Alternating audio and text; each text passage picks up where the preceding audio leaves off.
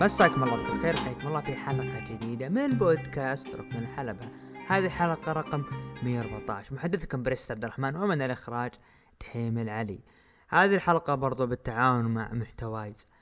ونرحب بالضيف الجميل اللطيف. مو مو ضيف مو بس ضيف هو الكل بالكل في البودكاست. الشخص اللي مثل ما يقولون كرفناه في رمضان وقدم لنا محتوى جميل. أبو عوف. مساك الله بالخير الرحمن ومساكم الله بكل خير حبايبنا المستمعين في حلقة جديدة ومتجددة من بودكاست ركن الحلبة في حلقته رقم 114 إن شاء الله تكون حلقة جميلة رائعة ورايقة. آه، كجمال الأجواء الممطرة خلال آخر ثلاث أيام في العاصمة الرياض. أجواء كانت جدا أسطورية. شوف شوف شوف يحق لنا يحق شوف شوف شوف شوف. نستمتع بالمطر يا أخي. شوف حقين الرياض. اذا أحيانا ما تكلمت أنا ما قلت شيء والله طبعاً. عاد اللي ما نزل لهم مطر آه، جي جي. أوه. كل سنة ينزل لهم خير ما شاء أوه. الله الحين جاء دورنا يا أخي. اللهم لك الحمد. طبعا نسجل في. في مدينة أو في عروس الشمال. حايل. نسجل يعني اجازة نتجهز العيد إن شاء الله. و- نعيد أبو داحم. بإذن الله بنعيد بحايل مد- مدينة عروس الشمال. آه بعد آه، حي الأمطار اس- استمرت ستة أيام متتالية على حي. اللهم لك الحمد. طبعا الأمطار كانت مثل ما يقولون خير وبركة و- وامتدت من الرياض إلى عرعر ونتمنى يعني السلامة لأهل عرعر اللي يسمعونا متابعين من عرعر. نقول إن شاء الله يعني ما تشوفون شر الحمد لله على سلامتكم لأنه جتهم مثل ما يقولون آه، يعني بعض الأحياء في عرعر غرقت وأتمنى لهم الشفاء لكل من جتهم إصابة بسبب ال- ال- ال- ال- الغرق وإن شاء الله يكون المطر هذا طيب وخير على جميع منهم أهل عرعر؟ مناطق مناطق السعودية أي نعم عرعر على لا عرعر جوي ده العرعر على عرعر ودوني المهم يقول آه. عبد الله سبحان يا زين عرعر. إي والله يا زين عرعر. تحية لأهل عرعر ولجميع مناطق السعودية. بالبداية أو قبل ما نخش البودكاست وكذا على طول ترى روح لليوتيوب. في كم مقطع موجود باليوتيوب مقطع قصير تكلم فيه أبو عوف عن آه، توضيح عن بعض الكتاب في موضوع الكتابة والإنتاج في W. وبرضو تكلم عن مقطع نزل يوم الخميس عن قصة عصابة ال Brood آه، قصة مثل ما يقولون آه، ما هي متعمقة بالأساسيات العصابة وكيف كانت وكيف صارت وانتهت.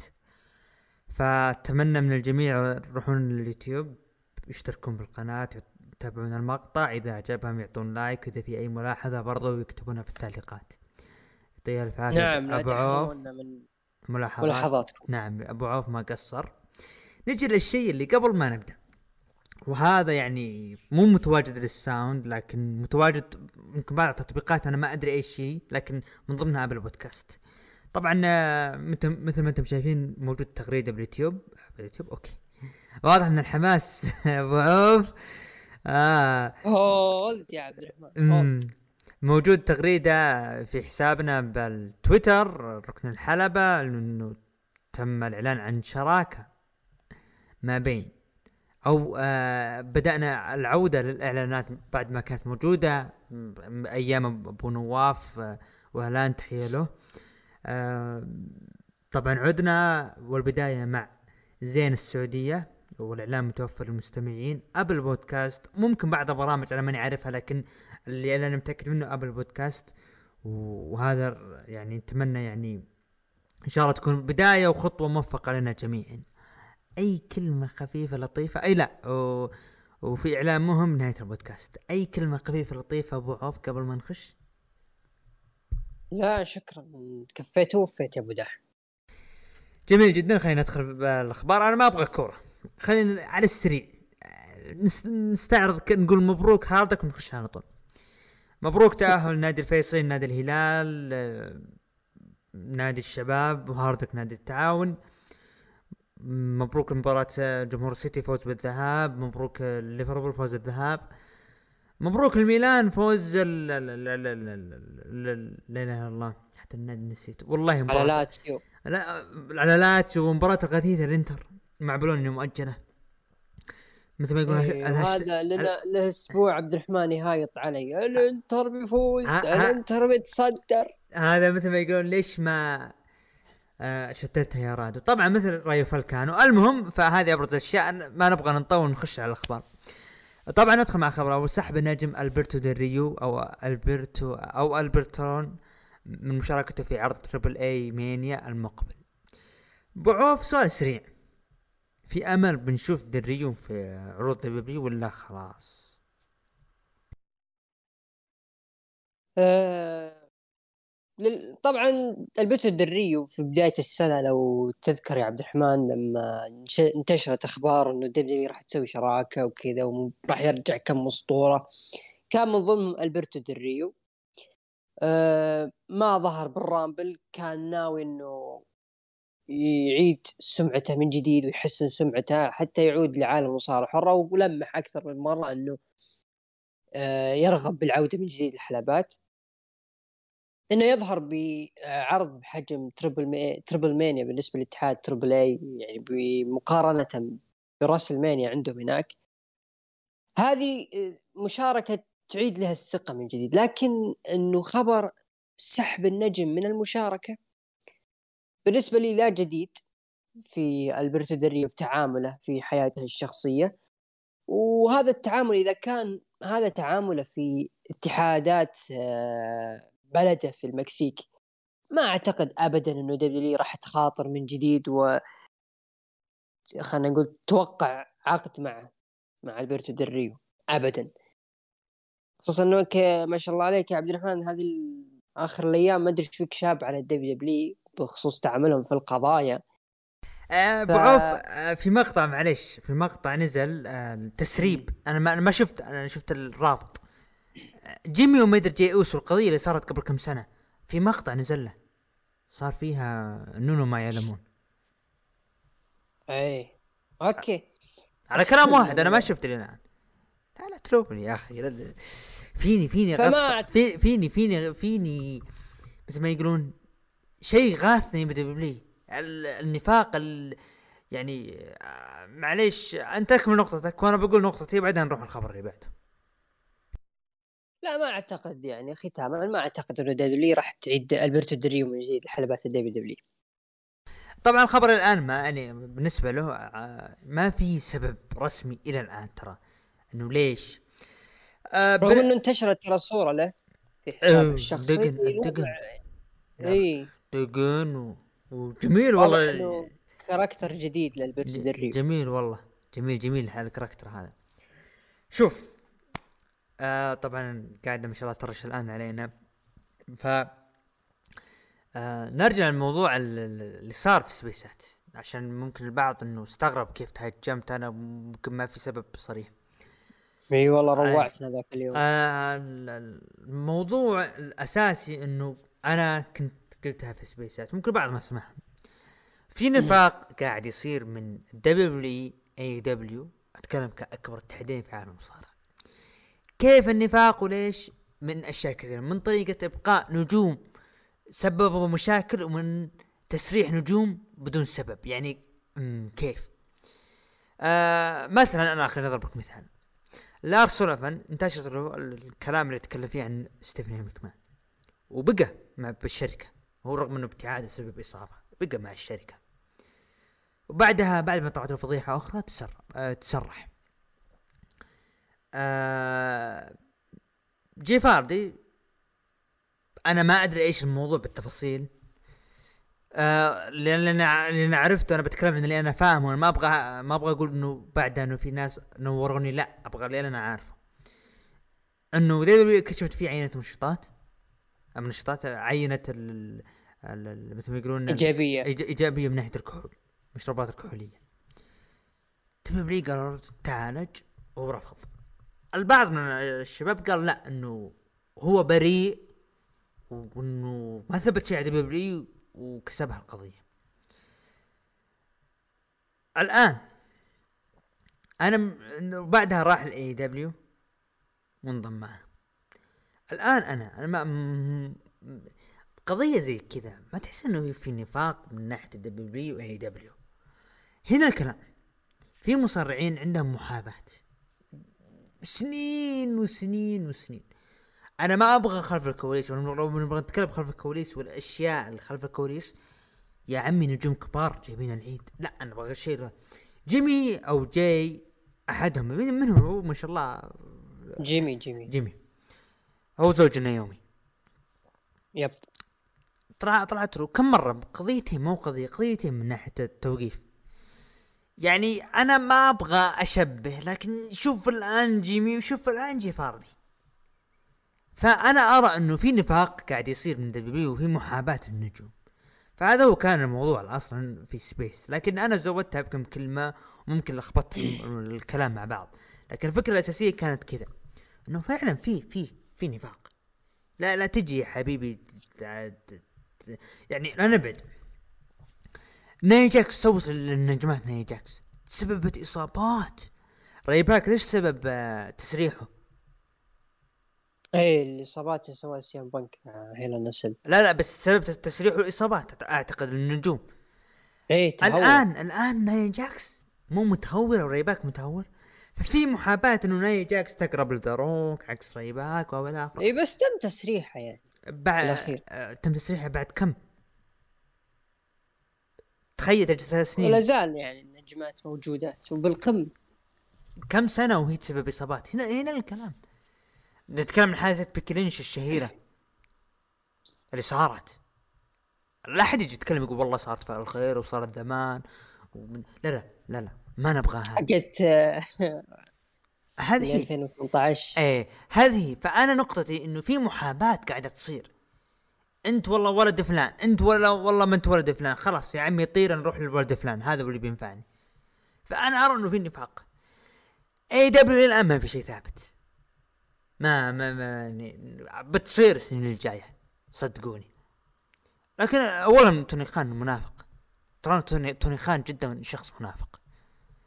أنا أحب المنتج اللي قاعد يقدمه W لكن انه أرى إنه توني خان شخصية شخصية خارج عالم المصارعة شخ- شخصية منافقة. آه للأسف أنا بقول اللهم إني صايم بقول شخص انبطاحي للغرب من ناحية موضوع السعودية. شخص انبطاحي من ناحية كل شيء جالس يراضي الج- ال- ال- الجمهور اللي يحبون AEW علشان مصالحه الشخصية. عموما أنا ما أبي أطول خلينا نخ- نخش مع الخبر اللي بعده. ودك تسمع طيب وجهة نظري ولا الموضوع بيطول؟ مم... خ... دحين من علي يقول خلصونا سريع سريع. أنا أبغى طيب مو مشكلة. على الأخبار. طيب. عطنا لا- أنا بكسر دحين من علي واقول عطنا رأيك. هو شوف لو تجي تراجع يا عبد الرحمن خلينا نتكلم عن W لو تجي تراجع سجل ال W القضائي راح تلقى زي ما قلت بلاوي ومشاكل وقضايا انت يعني تتعجب ال W كيف طلعت منها سليمة. تتحدث عن قضية المنشطات اللي صارت في بداية التسعينات. تتحدث عن أوين هارت. تتحدث عن آه، أيضا كان في حالات وفاة لكذا نجم داخل دائرة ال WW بسبب المنشطات. أيضا حادثة كريس بنوا فال WW لما تراجع هذه الثلاث قضايا هذه ال W قادر تعرف يعني كيف تتعامل مع النجوم. كيف تتعامل مع القضايا إنه مو كل شيء يطلع للإعلام. فأنت ضربت مثالين بخصوص جيمي أوسو وجيف هاردي. ليش ال WW يعني رغم الأشياء اللي قاعد يسويها جيمي أوسو الا إنه لا زال موجود في الاتحاد بينما جيف هاردي يعني بأي لحظة ممكن يكون نتيجة فحصة إيجابية ال WW بأي لحظة ممكن تطرده. لأن جيف هاردي عنده سوابق جيف هاردي سواها مرتين ترى في ال WW. تتكلم عن عام 2002 وتتكلم عن عام 2009 وكان الرجال خارج عن سيطرة ال WW. ال W دائما تحاول تسيطر على النجم لكن النجم ما هو معطي أي اهتمام لل WWE. بعكس جيمي أوسو. صحيح إنه يطلع مثلا ب مثلا يقود سيارته تحت تأثير المخد الكحول. أوكي تتم اتهام الجريمة وخلاص بعدها يتم زي ما نقول السيطرة عليه ومتى يسويها مرة ثانية؟ بعد أربع سنوات بعد ثلاث سنوات. يعني متى آخر مرة سواها قبل العام الماضي؟ يمكن عام 2017 فمده زمنية طويلة أربع سنوات. لكن جيف هاردي بمجرد بس إنه يدق الوتر خلاص الولد يضيع. ما يتم السيطرة عليه. وترى في نجوم حاليا في في نجوم ال WWE حاليا. في ترى عندهم بعض العادات لكن ليش مستمرين؟ لأنه قادرين يسيطرون عليهم. بغض النظر عن النجوم الآخرين. تتكلم عن شون مايكلز وقف مرتين بسبب المخدرات والدبليو خلاص فقدت الأمل من في عام 2000 عام 96 وبدت تركز على ستيف أوستن ورجعت بريت هارت لأنه شون مايكلز منتهي تماما. ف وقس عليها أكثر من نجم. لذلك الدبليو ترى تتعامل مع أي قضية بشكل احترافي بغض النظر وش كانت عواقبها أما AEW هو اللي من جد تحسف كيف ممكن يتعامل يعني جيف هاردي جاي مطرود من اتحاد WWE بمجرد إنه ثبت عليه عينة إيجابية فكيف ممكن تتعامل معه؟ أوكي أنت قدرت تتعامل مع جون موكسلي لأنك قدرت تسيطر عليه، لكن جيف هاردي مرتين دبليو ما قدرت تسيطر على وضعه الصحي وشفناه في TNA خربها تماما لما دخل وخرب على ستينك في مهرجان Victory Road عام 2011 فهنا النقطة زي ما قلت AEW يخاف منها. انه جيف هاردي إذا ما قدروا يسيطروا عليه ورجع من جديد الوتر فعلى AEW السلام صراحة. توني خان يا عبد الرحمن أعيد وأكرر. توني خان أي شيء يثير الجدل في الإعلام توني خان راح يجري وراه. ما وات ايفر دبليو دبليو اي مهرجان WrestleMania أه، توقيع مع نجم. أه، أحداث خارجية تصير عالم المصارعه الحره فقط علشان يبرز إنه اتحاد اي دبليو له يد في ذلك الموضوع. ترى إحنا ننتبه لهذا الموضوع مو إحنا فقط رسلينج لا. حتى ممكن تشوف إنه قاعدين يحبكون قصصهم داخل حلبات لكن مو إحنا ما نشوف علشان ما نركز عليه نركز على مباريات خمس خمس نجوم اللي يعطيهم اياه في مانشستر فقط لا أكثر. لذلك أي قضية كبيرة بتطيح على رأس اي دبليو اي دبليو راح ينتهي سريع. مثل ما انتهى تي ان اي هو تي ان اي لا زال مستمر لكن انتهى بعد 2011 بسبب اللي صار مع جيف هاردي. ف ننتظر الإعلام وش ممكن يسوي مع اي دبليو لكن دبليو دبليو آه، عندها جيش قضاة قادر يتحكم بجميع القضايا اللي ممكن تسيطر على ال WWE قادرين يسيطروا الجيل الحالي في ال WWE تراهم محظوظين. قادرين الدبليو يسيطرون عليهم. حتى تلاحظ ما في مشكلة بين المصارعين خلف الكواليس. ما تسمع. عكس ما كان يصير سابقا. بسبب إنه الدبليو ما هي قادرة تسيطر على النجوم آه، في ال roster حقها. فقط لا وأختم بهذه النقطة. جميل جدا. آه، نروح مع الخبر اللي بعده بشكل رسمي. عقد النجم جو جنيلا مع AEW ينتهي دون تفعيل خيارات الجديد ابو سؤال. متحمس تشوفه في NXT؟ ممكن. ممكن خصوصا انه NXT تحول إلى عرض entertainer فممكن يفلح هناك. جميل جدا. خصوصا لو دخل لو م. دخل مع Wendy Choo. لا لا لا لا لا خلينا نروح الخبر بعده LA Knight بعد التصعيد للعروض الرئيسية سيدير عصابة مايس ومنصور في سماك داون. شفنا اللي صار LA Knight آه مثل ما يقولون pre-show هو؟ العرض. عرض dark آه إنه طلع إنه أنا معي مايس هو مدير أعماله وبعدها منصور. LA Knight اللي كان النجم يعتبر إذا ما كان رقم واحد رقم اثنين في NXT خلال ست شهور. الآن يصير مدير أعمال؟ ليش؟ عندي إحساس إنه الدبليو شافت إنه LA Knight تنفع كثير entertainer أكثر منه pro wrestling رغم إنه قادر آه يقدم آه. لك شيء. يعني يجيك غير... يجيك قادر يقدم لك شيء بالحلبة أوكي تمام. يا تناقض آه، تناقض دبليو قصتها ترفيهية ترى. لا لا إذا دبليو تفكرها بهالمنطق ما هي ما هي ما هي pro wrestling ترى قصه ايزيكيل ابدا ما هي برو رسلينج بس أبو ما عو- أشوفها برو رسلينج. بس أبو عوف إذا دبليو تفكرها بالطريقة هاي هذا تناقض. إذا بس- إذا إذا هم. يرون إذا هم يرون يزيكل كذا و... ولا نايت ك... أكمل. لا لا كمل حقتي. اي فأنا نرجع إذا كذا مصيبة هذه بس لو تشوف البوب اللي يجي الاي نايت هذا ممكن دبليو يخليها تفكر تعطي النجم ساعة لل- على البث المباشر ترى ما أعطتها على ساعة على البث المباشر عشان الناس لا تجي تهاجم. فإن قاعدين شوي بن- بنفصل على شيء في عرض dark. فما بالك لو صار العرض live يعني. ممكن آه، دبليو يا- تدخل شيء كبير الخوف يعني. انه يدخل بأغنية جديدة. أغنيته جميلة. خف يدخلون بأغنية جديدة ويدخلون. باسم جديد.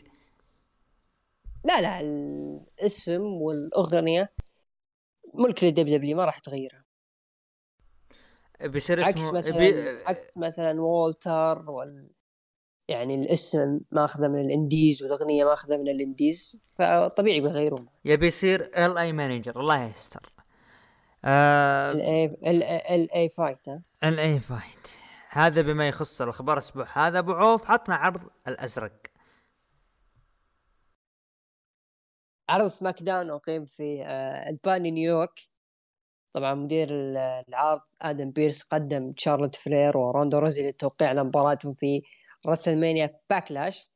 آه، شارلوت قالت لروندا يا روندا ترى أنا فزت عليك في WrestleMania وأنا ما استسلمت من نفسي. ترى يعني مو أنا اللي استسلمت بارادتي أه وأنا ترى فقعت وجهك ب big boot. ردت عليها روندا راوزي بأن آه، راح يكون هناك ما راح يكون فيه حكم راح يبعدني عنك ويمنعني وراح أخليك تستسلمين وصار محارش شرس بين الثنتين. أه على بلاطة متحمس للمباراة. I Quit match من اللي راح يستسلم يا أبو داح شوف بصراحة لا حماس لا. بس جت فكرة ببالي. هو صار في عرض ال Raw أنا كنت منتظر في عرض ال Raw لكن بعد ما شفت عرض عرض ال Raw جلست أقول لا الفكرة تصير ب SmackDown. ليش ما يكون آه تدخل من العائدة بعد غياب طويل بيلي بحيث تفوز روندا راوزي أو تسبب خسارة روندا راوزي وتكون مباراة ثلاثية للعرض الشهري اللي بعده وتفوز فيها بيلي وتخطف اللقب. وندخل سيناريو جديد. جديد إنه هذه بيلي رجعت طقطق وعنده برنامج Ding Dong و... فهذه أنا بيها. أنا ببيلي على بلاطة أنا ببيلي ترجع وتاخذ اللقب. نقطة آخر السطر. وماني والعداوة هذه أم بصراحة بتا- بتابع المباراة لكن وبشوف النتيجة لكن متحمس ما فرقت معي. يا أخي عندي إحساس إن آخر مباراة لروندا راوزي في ال WW يا أخي روندا راوزي من رجعت في ال Rumble ما قدمت شيء يذكر صراحة. كل اللي قدمته تلوم. بهذه تلوم الكتاب وتلومها هي لأنه شوف كيف قاعد يصير من الكتاب تعاملهم مع روندا. وتلوم روندا بتفاصيل من ناحية إنه هل هي راضية أم لا؟ ما أظن راضية. ما أظن هي ما أدري فيه شيء مزعلها يعني. اعطوك ال Rumble يا بنت الحلال من أول ما جيتي. وبس عشان main event WrestleMania ما أعطوك إياه زعلت بطنقر. هذا تصرف غير احترافي صراحة من روندا راوزي أنا أشوف. يعني ممكن هي تعودت على إنها تكون دائما main eventer في UFC فأبغى أكون مين ايفنتر في دبليو دبليو والدبليو دبليو ما قصرت طيب أعطت main event 35 أو على طاري main event 35 ممكن هي زعلانة من هذاك ال botch اللي صار. هي ترى إنه خطأ. آه اللي سوته بيكي لينش طيب إذا هو خطأ ليش ترجعين؟ أوكي.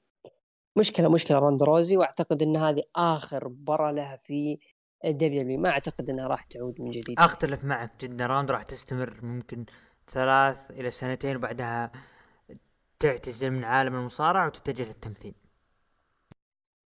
يا عزيزي إذا هي في عداوه مع شارلوت فلير. عداوة يعني الاسمين ثقيلين على الحلبه روندا راوزي شارلوت فلير. بالأخير يعني هذه تقدم ذا المستوى التعيس أمام تشارلوت. وش بيصير لو راحت مع نجمة خلينا نقول متوسطة؟ مثلا خلينا نقول على سبيل المثال مثلا لو دخلت مع ريا ريبلي. بتقدم مثل اللي تقدمه مع تشارلوت ولا أسوأ؟ حقيقة يا عبد الرحمن. أه بعدها صارت مباراة بين إكزيفير وودز أه ضد بوتش. فاز فيها إكزيفير وودز أه بعدها بوتش بعد المباراة راح مع الجماهير. والله فاصل ذا الادمي حلوة حلوة. ما... أنا بديت بصراحة أحب الفكرة صار ما بين New Day و عصابة شيمس. آه، بس أنا أبغى أبغى شيء قوي يجي لعصابة شيمس. Fight Night أتوقع اسمها هي. أه للحين ما ما سموه والله حلو Fight, Fight Night جميلة جدا. اتمنى أتمنى والله يعني شيمس أتمنى إنه يحقق لقب القارات. وياخذ من إيه، وياخذ مسيرة باللقب إلين ما إلى, إلى أن يكون في عداوة ثلاثية بينهم العصابة ويتبادلون الألقاب. مرة ياخذها بوتش مرة ياخذها ريدج هولاند. وكذا نكسب إنه اللقب بيرجع البريق وأنا متأكد. أنا ما أدري ليه على طار الاسم جاء في بالي مدرسه المشاغبين. ما أدري ليه. okay. جندر محل يقول لي ريكوشي إن فوزك كان بالحظ وراح أواجهك قريبا؟ قال ريكوشي okay أنا قادر أهزمك وأهزم أي شخص هنا فتحداه شانكي. جانثر لعب مباراة ضد jobber فاز فيها جانثر خلف الكواليس آه، مات ريدل أو ريدل آه، يقول ميدراندي إنه من الرائع. الظهور في SmackDown ليظهر أمامهم درو ماكنتاير وكان في face to face حاد بين درو ماكنتاير وراندي. قال ريدل الوضع اللي في السابق ما كان جيد بينكم لكن حاليا ترى راح نتواجد في مباراتك يا درو ماكنتاير. وكان سامي زين يسمع يعني خلف الكوالي أو وراهم خلينا نقول. بعدها صارت مباراة حلوة حلوة حلوة حلوة حلوة حلوة. أفضل شيء صار بالعرض سامي زين بكل صراحة. هي سامي زين والله قاعد ينقذ سماك داون صراحة رغم إنه الأشياء تكون بسيطة لكن تخلي الواحد يعني يتفرج في SmackDown رغم إنه هذا العرض حرفيا ما كان فيه شيء. مباراة آه صارت بين ريدل ضد جي اوس وفاز فيها ريدل. للأمانة أنا كنت أتمنى جي اوس يفوز. علشان يا أخي تعطي قيمة للعرضين يعني راندي أورتن وريدل محسوبين على عرض Raw. وجيمي وجي أوسو محسوبين لعرض SmackDown. جيمي أوسو خسر في عرض Raw أمام ريدل. فالمفروض جي اوسي يفوز في SmackDown علشان هذا بطل SmackDown يعطي قيمة للعرض. وبعدين يعني لو تجي تفكر بالبعيد في مهرجان باك ال Backlash الاوسس بيفوزون واللي, واللي راح يتثبت هو مات ريدل فكيف هذا راح يتثبت بطريقة غبية رغم إنه فاز على على خلينا نقول الطرفين الفريق. ما حبيته صراحة. كنت أتمنى والله جي اوسي يفوز.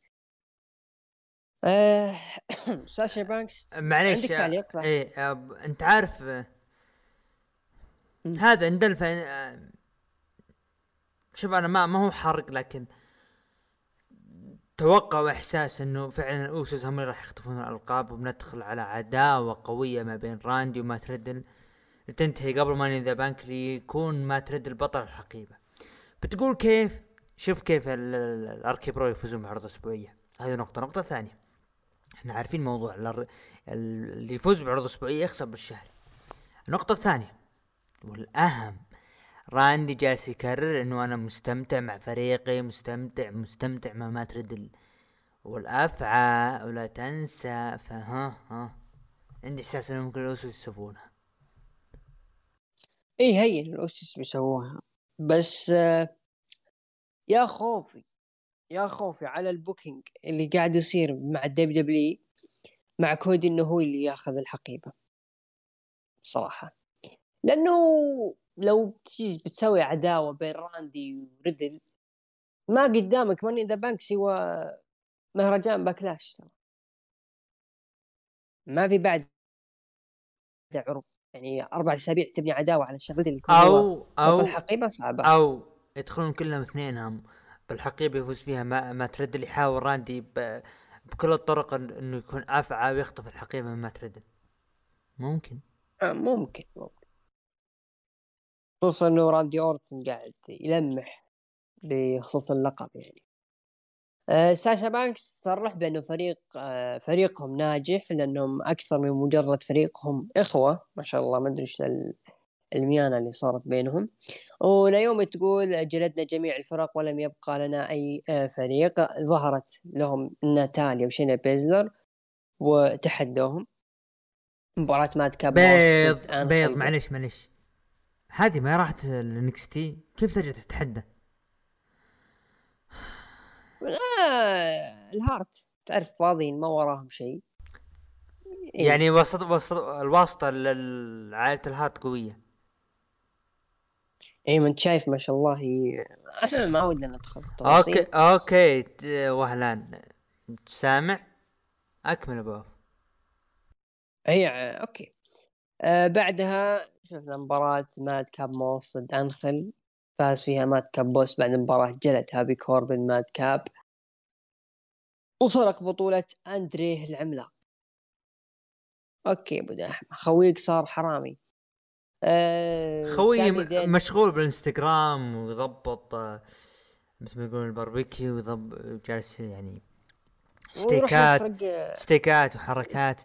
بس اللي حزني أنخل جارزا واللوس لوثاريوس حزنوني والله فريق ترى كان يقدر يطلع منهم شيء لكن يبدو لي بداية الانحدار. أنا أصلا ما أدري وش ذا الاهتمام اللي جاء سبحان الله لل WWE في بطل أندريه العملاق.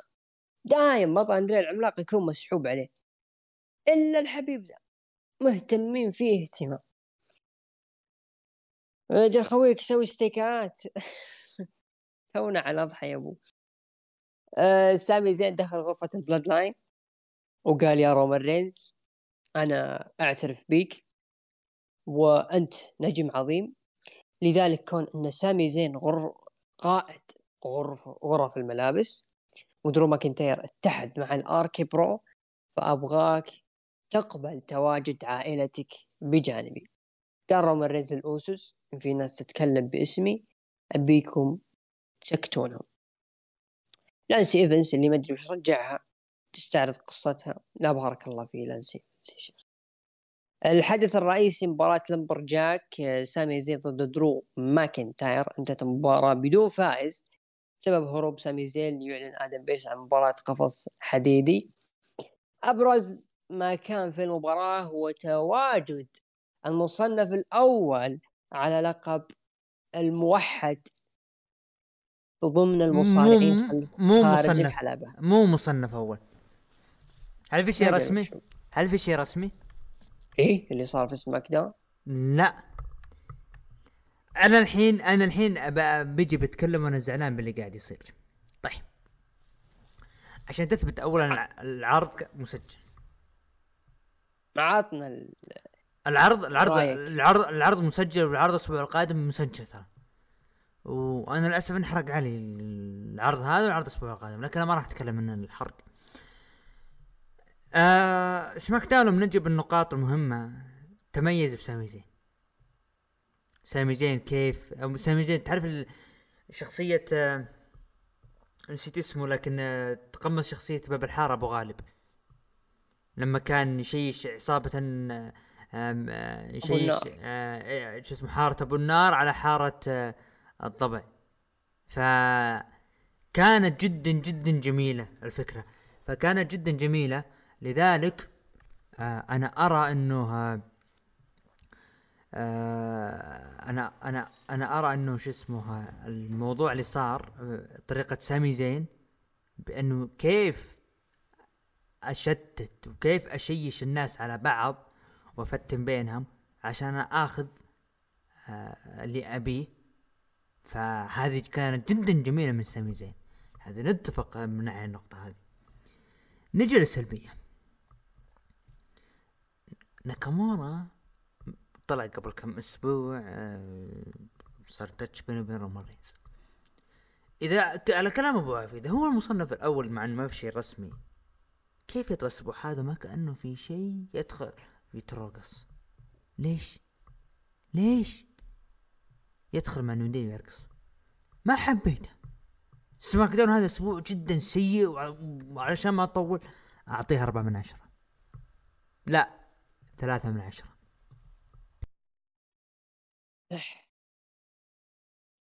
مشكلة ناكامورا واللي قاعد يصير معه. ما هي بس من الكتاب ترى. أنا ما احمل يعني هو الكتاب لهم نسبة وتناسب. لكن ترى نفس الشيء للمصارعين.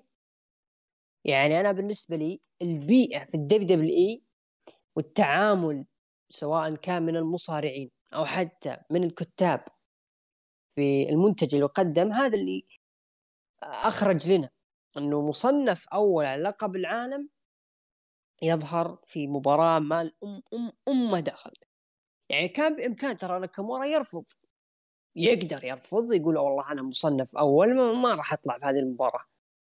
يقدر. أي نجم ثاني حتى صارت في عرض الرو. أه فين بالور كان بجانب أوستن ثيوري ولا كان صار شيء بينهم. يعني لو كان في فعلا يعني في مصارعين عندهم شغف وعندهم اهتمام بأدق أدق التفاصيل فيما يقدم للحلبات صدقني مثل هذه الأخطاء ما راح تصير. لكن سواها الكتاب أكثر من مرة. معلش أبو وتغاضوا عنها. معلش أبو هذا الناتج. آه يا أخي أقل شيء لما تصير مباراة يا أخي آه ودخل الأوسوس التفت على الأوسوس راح أهجم عليها ويساعدونك الأركي برو أقل شيء بحيث إنه وشو؟ إن أو ناكامورا انتبه للأشخاص اللي هاجموا وراح لهم على طول من دخلهم. أما يدخلون عند الحلبة ولا كأنه في أي شيء ناكامورا شايف شلون؟ جنب بعض كسر أم الكيف إيه على قولتهم ال kayfabe قاعد يصيح على جنب. زي ما قلت لك البرود اللي بين الكتاب وبين المصارعين إنه whatever أي شيء أنا أقول لك تسويه وأنت عادي أهم شيء ياخذ الفلوس آخر الشهر وما علي وش أقدم هذا اللي خلى عروض الدبليو دبليو توصل لهذا المستوى. اللي خلى عروض راسلمانيا يتم الاعتماد عليها من قبل مشاهير ونجوم وحتى مغنيين يشاركون في العرض. البرود اللي بين المصارعين والكتاب وما في غيرة على المنتج. ثم يجيك طال عمرك يجي يتبكبك بعد ما يتم تسريح عقده إنه والله ما أعطوني وجه أنا بالنسبة لي عرض سماك داون هذا الأسبوع أعطيه اثنين من عشرة. صراحة ما عجبني ابدا ولا فيه أي شيء صراحة. اثنين من عشرة. روح لتقييم المستمعين أعطوا من 9 إلى 10 7% ومن 5 إلى 8 36% وأقل من 5 اعطوا 57% تقريبا المستمعين يتفقون معنا. طبعا مشاهدات عرض سماك داون هذا الأسبوع بلغت مليون وثمانمية ألف بانخفاض عن الأسبوع الماضي وشيء طبيعي مثل ما قال عبد الرحمن إنه عرض مسجل بالإضافة إنه ما كان في شيء لافت طوال العرض. هذا كل شيء يخص عرض سماك داون هذا الأسبوع. ننتقل إلى عرض الرو العرض الأحمر. آه عبد الرحمن. قبل ما ندخل عرض الرو اللي يثبت إنه فعلا سماك داون سيء مشاهداته؟ آه نزل تحت مليونين. كم مليونين؟ و200 مليونين و400 اي 200 و400 الأسبوع الماضي. ندخل الآن على سماك داون طبعا ابو عوف ناخذ نفس لأن الرو للأسف الشديد الأسبوع هذا صار فيه تمطيط بأشياء كثيرة. فأخذ نفس روق واستغفر بمن اصبر اصبر بعطيها الحين. السبحه السبحه عندك. أبد سبح واستغفر إلين ما يجي أخذ رأيك. افتتح العرض مات ريدل وسط الحلبة والمصارعين بالخارج ورحب الجميع في عرض الرو. وقال الليلة لي... وقال الليلة هذه ليلة مميزة. راح نحتفل بعشرين سنة لراندي أورتن وقال نشوف video package له وبعدها قال رحبوا بالأفعى. قاتل الأساطير راندي آه، والمفترس راندي أورتن دخل حلبة وقال آه، راندي أورتن كانت رحلة رائعة من الإنجازات والانتكاسات وأنا ما راح أروح لأي مكان أبدا. وعشرين سنة مرت سريعا وحظيت مباراة رائعة أو مباريات رائعة وقوية مثل جون سينا. تربل اتش الاندرتيكر شون مايكلز وميك فولي. وبسبب ميك فولي أصبحت قاتل أساطير. وبسببه أنا وصلت هنا وفي شيء خلاني هالأيام مبسوط ومستمتع. من سنين ما صرت مستمتع مثل اللحظات الأيام هذه. وهو هذا الرجل يقصد مات ريدل. وحضن مات وشكر على دعم الجمهور خلال هذا السنين. وقال مات ريدل أنا عندي واحد يبي يطلع لك وقال لك إنه أنت مثال يحتذى فيه. وهو صديق لك وأقد وأقدم لكم يا آه نوكسفيل الكابوس الأمريكي كودي رودز. دخل كودي حضن راندي اورتن نستعرض الآن مع الحضن أنا طرى على بالي على طول ليجسي أيام بدايات كودي أيام ما كان مع أبوه وقلب على راندي. فكانت ذكريات جميلة. قلت قلت بس بيدخل تيد ديبياسي لا والله يا ليت لو دخل بتكون حلوة والله. والله بتكون حلوة. سيث رولينز خرب عليهم وقاطعهم وقال راندي لا تثق بكودي رودز. وهو جاي يسرق الاضواء مثل ما سوى فيني براسلمانيا. وبيقولك شيء يا كودي. ما في شيء يتعلق فيك. والليلة عن راندي أورتن. وقال ترى أنا ملهم الجميع. لو سيث رولينز يقصد نفسه.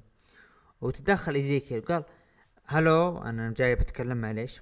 أنا أخو الياس الصغير وكنا نشوفك أنا يا راندي أنا وأخوي خلف الشاشات وأنا جاي أبارك لك بالهيمنة اللي قدمتها لكن تدخل كيفن اوينز وقال liar liar كذاب كذاب هذا الياس وراندي ترى يكذب عليك وأنت شخص سيء يا زيكي لكن دقت موسيقى مين؟ الأوسس دخلوا الحلبة وقال راح نهزمكم في WrestleMania Backlash ونوحد الألقاب. لكن دخل آدم بيرس قال أوه بما أنتم مجتمعين في مباراة في مباراة ضخمة يعني بتكون ليلة ورسميا في احتفال راندي اورتن العشرين الأوس- آه، العشرين سنة.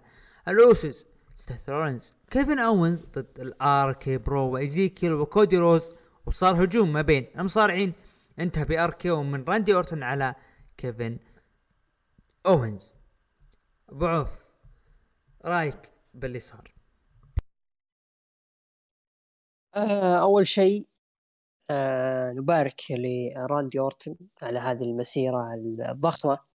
خلال 20 سنة آه، كان متواجد فيها في حلبات WWE وجميعنا شاهدناه آه، من بدايته آه، إلى هذه المرحلة ونجم يعني نقدره. وله كامل التقدير والإحترام والمحبة لنا كجماهير عالم المصارعه الحرة. وكنا نتوقع إنه بيكون له احتفال مثل ما ال WWE تحتفل بمصارعها الكبار اللي يمرون ب آه، خلينا نقول سنوات من العطاء في ال WWE امثال أندرتيكر تربل إتش آه، وغيرهم من النجوم الكبار. لكن للأسف راندي أورتن فقرته هذه ما كانت بمثل ما كانت WWE تروج له. كانت WWE تستعرض لقطات من مسيرة راندي أورتن. كان في أخذ وعطى بينه وبين جون سينا وبين كذا نجم سابق. ومع ذلك طلعت الفقرة كل واحد بيصفي حساباته في هذه الفقرة. الأوسوس و RK-Bro سيث رولينز وكودي رودز كيفن أونز وإيزيكيل النجوم اللي برا آه، بينهم عداوات وكل واحد جالس جنب بعض. ما في أي مشكلة. آه، الجمهور للأسف ما كان مهتم لأي شيء يقدم خلال افتتاحية عرض ال Raw و promo راندي أورتن و آه، كلام كيفن اونز أنه أنت كذاب. لو فعلا تيجي تلاحظ الافتتاحية من البداية راح تلاحظ أنه الجمهور كان بارد تماما. ما كان مهتم للي قاعد يصير في الحلبة إلين ما دخل كيفن اونز وهذا مثل ما قلت لك قبل شوي إنه قصة ايزيكيل وكيفن اونز عبارة عن entertainer لا أكثر ولا أقل. ضحك بس يبون يضحكون الجماهير. يعني كأنه إلياس اللي كان مكروه لكن هذا محبوب. بس هذا اللي قاعد يصير مع ايزيكيل وكيفن اونز ما يقصر الرجال قاعد يجلده. لكن تصفية الحسابات هذا والشيء المبالغ فيه من كودي رودز وسيث رولينز آه، تحية لإخواننا في رابطة عشاق صمت كودي رودز لكن في في تضخيم وتفخيم من WWE لكودي رودز احس يستاهل إنه هذا النجم؟ يستاهل. يبغون يخلونه أكبر شيء ممكن. لذلك أنا بالنسبة لي كودي رودز هو مرشح لحقيبة Money in the Bank افتتاحيه عرض Raw أي واحد عنده حسابات يصفيها في هذه الفقرة وهذا اللي صار.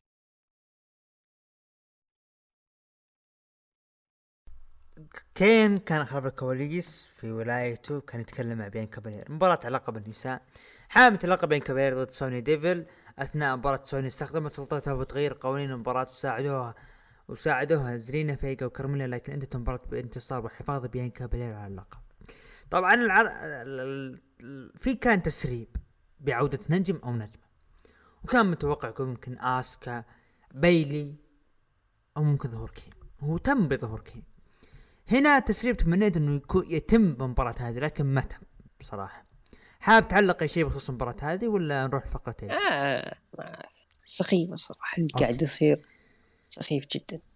إيدج خلف الكواليس مع داميان بريست وقال أي أحد يقترب لنا راح ينجلد وأقرب مثال أي جي ستايلز والليلة فين بالور وداميان راح يتعامل معه وبدأ يطقطق على أهل تينيسي وقال تقبلوا حقيقة إنه إحنا الأفضل. وقال ما شفنا أي جي ستايلز الأسبوع هذا صح؟ إي تذكرت. يعالج نفسه بالبيت. وقال فين بنشوفك الليلة. وداميان قال تم تحديد ذنبك يا فين وأنا المعاقب وأنا وأنا اللي راح أعاقبك ويوم حسابك اليوم. ويوم حسابك اللي هو اليوم. طبعا عصابة إيدج رسميا اسمها Judgment Day رأيك؟ وهل وهل بيرجع عرض Judgment Day الشهري ولا مجرد اسم فقط. آه أنا بصراحة لما شفت البرومو تذكرت كلامك لما كنت تقول يا إيدج بالله عليك خفف ال over ات اللي قاعد تقدمها في في بروموهاتك. فعلا ايدج قاعد يسوي over بزيادة بس إنه هذا ال over أنا بالنسبة لي يساعد شخصيته يحاول يبني شخصيته وعصابته. علشان يفرد عضلاته أكثر. بخلاف تماما الراحل برودي لي اللي ما ظهر في AEW بس أول ظهور له في AEW الأسبوع الجاي صار هو الكل في الكل في ال Dark Order. وهذا خطأ بالنسبة لي كان في فترة برودي لي لكن برودي لي طبعا زي ما إحنا عارفين آه، توفى وخلاص انتهى أجله. الآن بخصوص ايج فايج أيضا نفس الشيء يحاول يكبر عصابته وجالس يقدم بروموهات كبيرة ويحاول يكبر من عصابته ويعطيها ذيك القيمة وإنه جالس يجلد نجم يعني ايجي ستايلز يعني حسيت إنه WWE قاعد تلعب على وترين وتر إنه تينيسي كانت ببداية TNA من البداية وايجي ستايلز هو من أك... أو أسطورة اتحاد TNA اللي هو Impact حاليا. وفين بلر إنه راح يكون هو خصم قادم للعصابة بجانب ايجي ستايلز فتح ملف ال Bullet Club يعني مستغرب مستغربين صراحة إنه WWE فتحت ملف ال Bullet Club خصوصا مع فين بلر وايجي ستايلز وهذا الملف كان مسكر من 2017 ان ما خانتني الذاكرة أو 16 فهذا ملف تحت ال WWE رغم إنه في آخر مسيرة فين بلر مع WWE لكن بنجيها مو مشكلة. أبو عوف راح نجيها موضوع فين بلر و Bullet Club وايجي ستايلز اسم Judgment Day أنا ما أعتقد إنه راح يرجع العرض لأنه خلاص صار اسم العصابة آه اسمها Judgment Day آه لكن ممكن ممكن لعل وعسى إنه نشوف عروض سابقة من ال WWE تعود. شفنا عرض Backlash عاد في عام 2016 آه شفنا No Mercy برضو عاد من جديد لل WWE آه نتمنى نتمنى ليش لا؟ نشوف عروض قديمة كانت موجودة في ال WWE مثل Unforgiven أو ارمجيدن طبعا آه، فير ماهان ال jobber انتهت انتصار لفير ماهان. خلف الكواليس بوبي لاشلي تواعد إم في بي واوماس مباراة مصارعة ايدي اوماس ضد بوبي لاشلي فاز فيها بوبي لاشلي. وكالعادة هذا تكرار. اللي قاعد أقول الآن ترى تكرار هذا لسنين لمباراة مصارعة الايدي أي heel يخسر المباراة لازم يهاجم ال face. وفعلا أوماس هاجم بوبي لاشلي وجلده. رأيك؟ لا تعليق مثل ما قلت شيء قديم وعاد من جديد لل WWE. آه بعدها دين الحكم آر تروث دخل حامل مباراة مختلطة. دانا بروك وريجي ضد توزاوا وتامينا انتهت مباراة انتصار لفريق توزاوا. طبعا ما يهم اللي صار بينهم. اي آه. skip. العائدة بيكي لينش بمنظر جديد دخلت الحلبة وقالت "ث- ثلاث سنين ما حد قدر ينتصر علي. وأنا ما أدري كيف أكون بدون لقب ونظرت نفسي للمرآة ما أدري كيف اللقب ما هو معي. وقالت هذه ما هي النهاية بتكون عودة أسطورية لبيكي لينش والله يا أبو عوف حرفيا صارت مجنونة.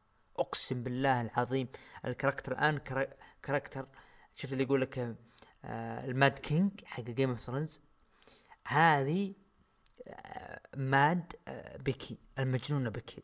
وقالت بكون بطل مات كاب موس وقالت بكون بطل للابد ما حد بيوقفني. لكن دقت موسيقى مين مين؟ العائدة بعد غياب سنتين. آسكا دخلت الحلبة وقالت آسكا ما حد مستعد لها. وحارشت بيكي وضربتها مع خشمة مثل ما يقولون يعني كذا بالإصبع. وحاولت بيكي الهجوم لكن بيكي انسحبت من الحلبة. آه بعدها راح أخذ رأيك. بعدها فين بلر ضد داميان بريست. مباراة ما انتصار داميان بريست. أول شيء عطني رأيك باللي صار بموضوع بيكي لينش وعودة آسكا. هذا السؤال الأول. السؤال الثاني. خل... ثلاث أسئلة. السؤال الثاني. هل ممكن نشوف انضمام فين بلر لايجي ستايلز وبعدها يكون في انقلاب لفين بلر وينضم مع إيج؟ السؤال الثالث هل ممكن نشوف عودة ال Good Brothers لوك وك- وكارل أندرسون اللي ينضمون مع ايجي ستايلز بعد قرب انتهاء عقدهم مع Impact عطني رأيك. أول شيء نتكلم عن الفكرة. أنا أتفق معك بخصوص آه، بيكي لينش صراحة أنا بالنسبة لي هذا أفضل gear قدمته بيكي لينش من عودتها في SummerSlam. هذا أفضل gear صراحة.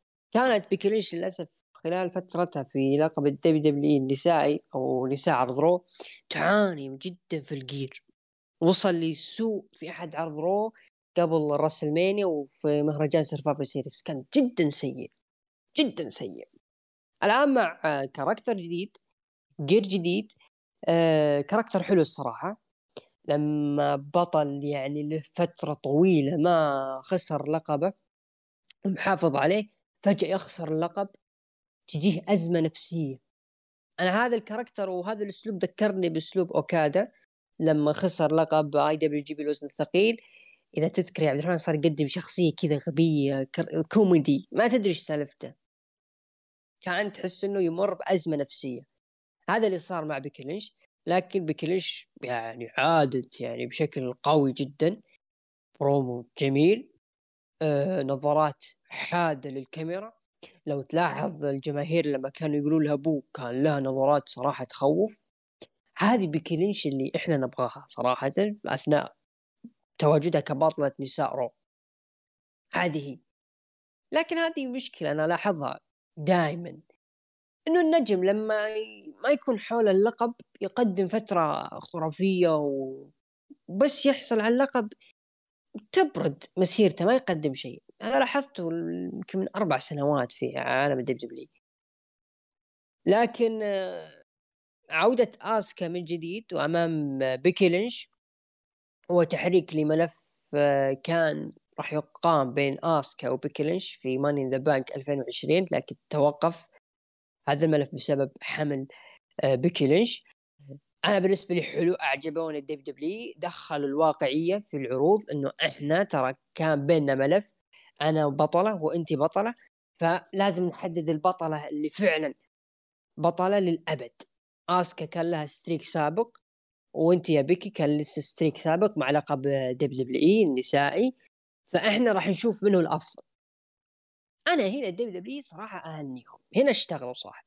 الواقعية نفتقدها في عروض ال WWE أه سؤالك الثاني أعتقد بخصوص أه فين بلر يب فين بلر مع اي جي ستايلز نعم أه فين بلر راح ينضم لاي جي ستايلز راح يكون بينهم آه، سبوتات حلوة أنا منتظرة.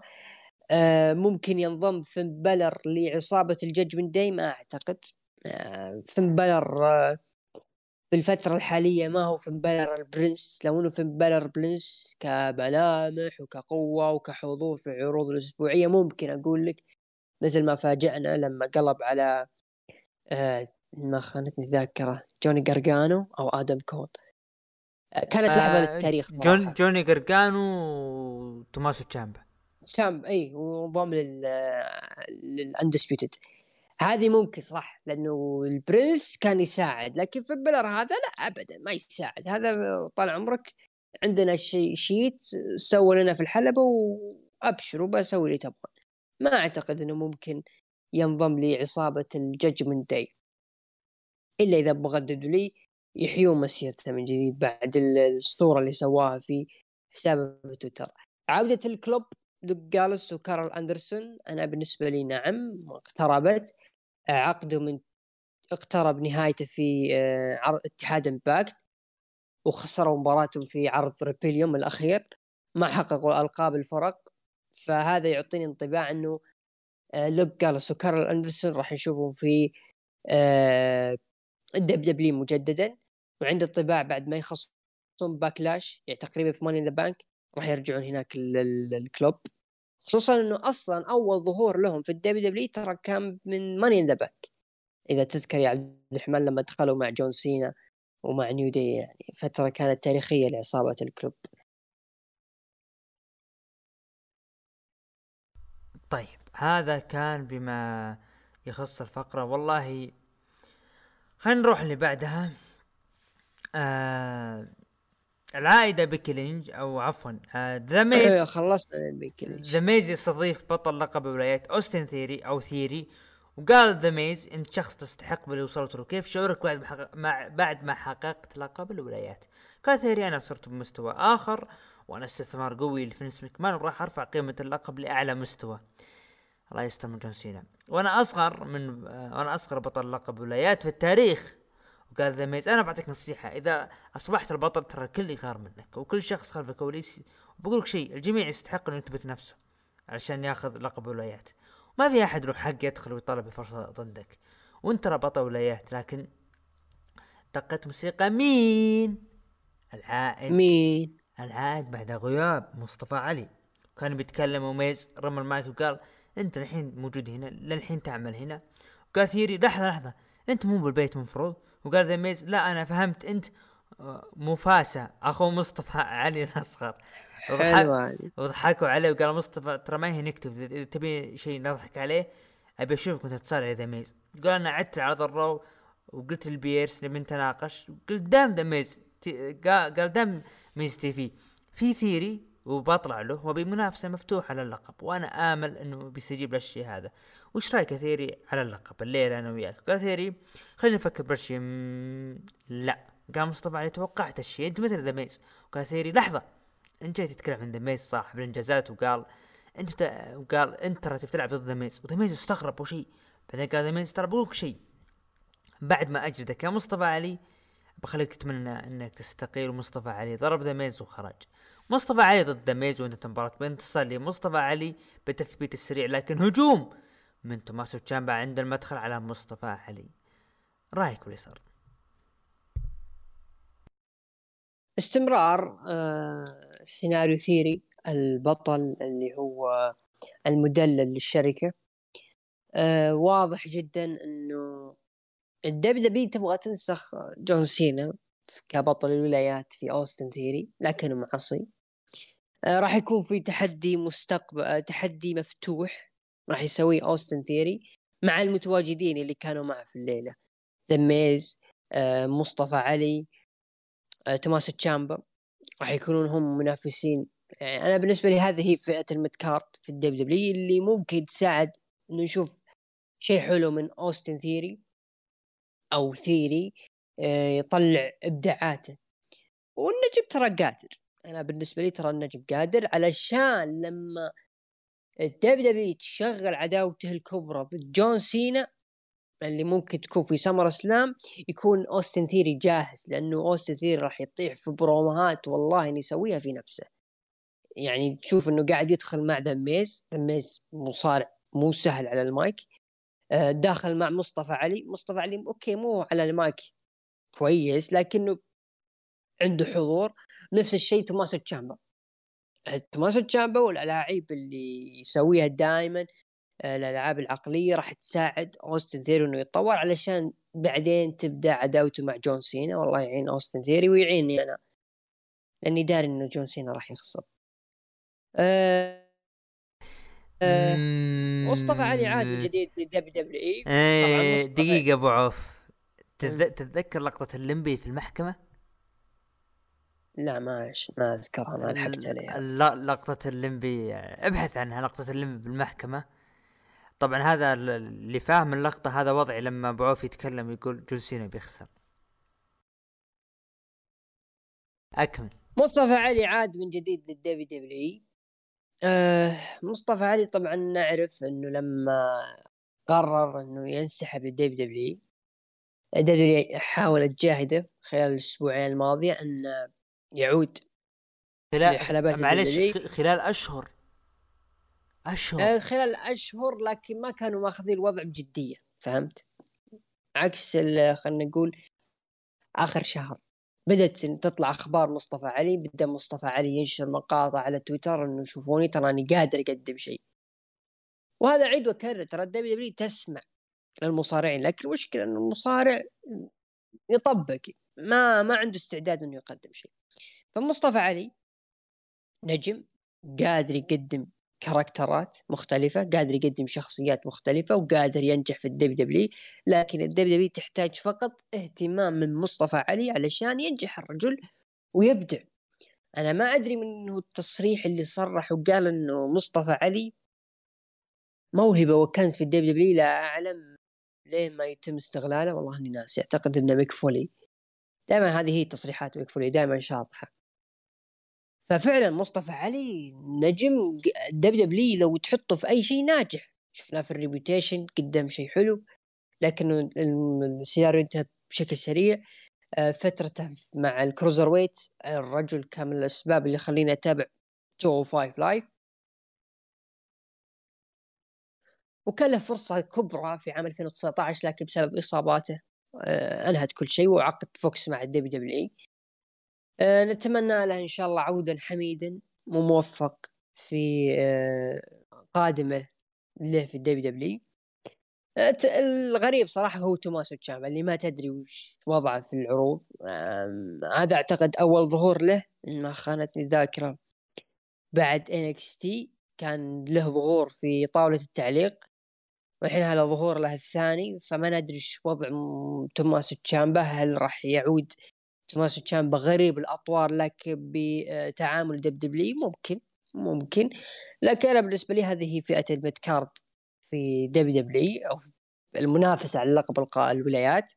مصطفى علي The Miz توماسو تشامبا وثيري أسماء ترى ما هي سهلة ما هي سهلة ابدا واختيار موفق لل WWE آه يعطيك العافية بس جون يخسر؟ ما أتوقع جون يخسر بالعكس. والله إن شاء الله ما يخسر بإذن الله مو إن شاء الله. بإذن الله. جون سينا ويعيد ويعيد ويعيد هيبة لقب الولايات. جون سينا يا حبيبي إذا قال لفنس مكمان ثيري ما أبغى وطردوه مباشرة. خلف الكواليس مقابلة ريا ريبلي لكن إذا قال لكن. لكن هجوم من, من ليف مورغان عليها وبعدهم عن بعض. بصراحة أول مرة أقولها متحمس أشوف ريا ريبلي تكون مع عصابه ايج ال main event أه وضحت وضحت. كودي رودز وإيزيكيل وآر كي برو ضد الأوسوس وسيث رولينز وكيفن اونز انتهت بانتصار لفريق آر كي برو. هذا كان هو ال main event لعرض الرو مشاهدات العرض كانت مليون و ألف مشاهد. رأيك بال main event وبعدها عطني تقييمك. أه تقريبا لو تلاحظ طوال المباراة كان مثل مثل البداية. كل عدو مركز تماما على عدوه كودي رودز مع سيث رولينز راندي والاوسوز وكيفن وايزيكيل ف صار ال main event بخاري حقيقة. أه تقييمي للعرض العرض. زي ما قلت في تمطيط في أه بيع دقائق في الفقرات لكن كسبنا ظهور بيكي وعودة أه اوسكا وعودة مصطفى علي. فممكن نقول العرض نعطيه خمسة خمسة ونص. لا خمسة خمسة من عشرة خمسة من عشرة. أنا يعني بس حاب أضيف نقطة بخصوص توماسو تشامبا اللي أحس إنه الله يستر. ممكن دبليو تذكروا على آخر لحظة فقرة مصطفى مصطفى علي وقالوا دخلوه مباشرة بس خلوه يضرب ويطلع. ما أدري إيش الفائدة يعني. آه، غريب غريب الأطوار بس آه، نظام WWE. إذا ك... إذا كانت مصطفى علي يدخل على مباراة لقب الولايات مصطفى علي توماسو تشامبا أوستن ثيوري ذا ميز الأربع أشخاص هذولا ويكون بينهم مثل ما يقولون تبادل ألقاب بتكون جميلة.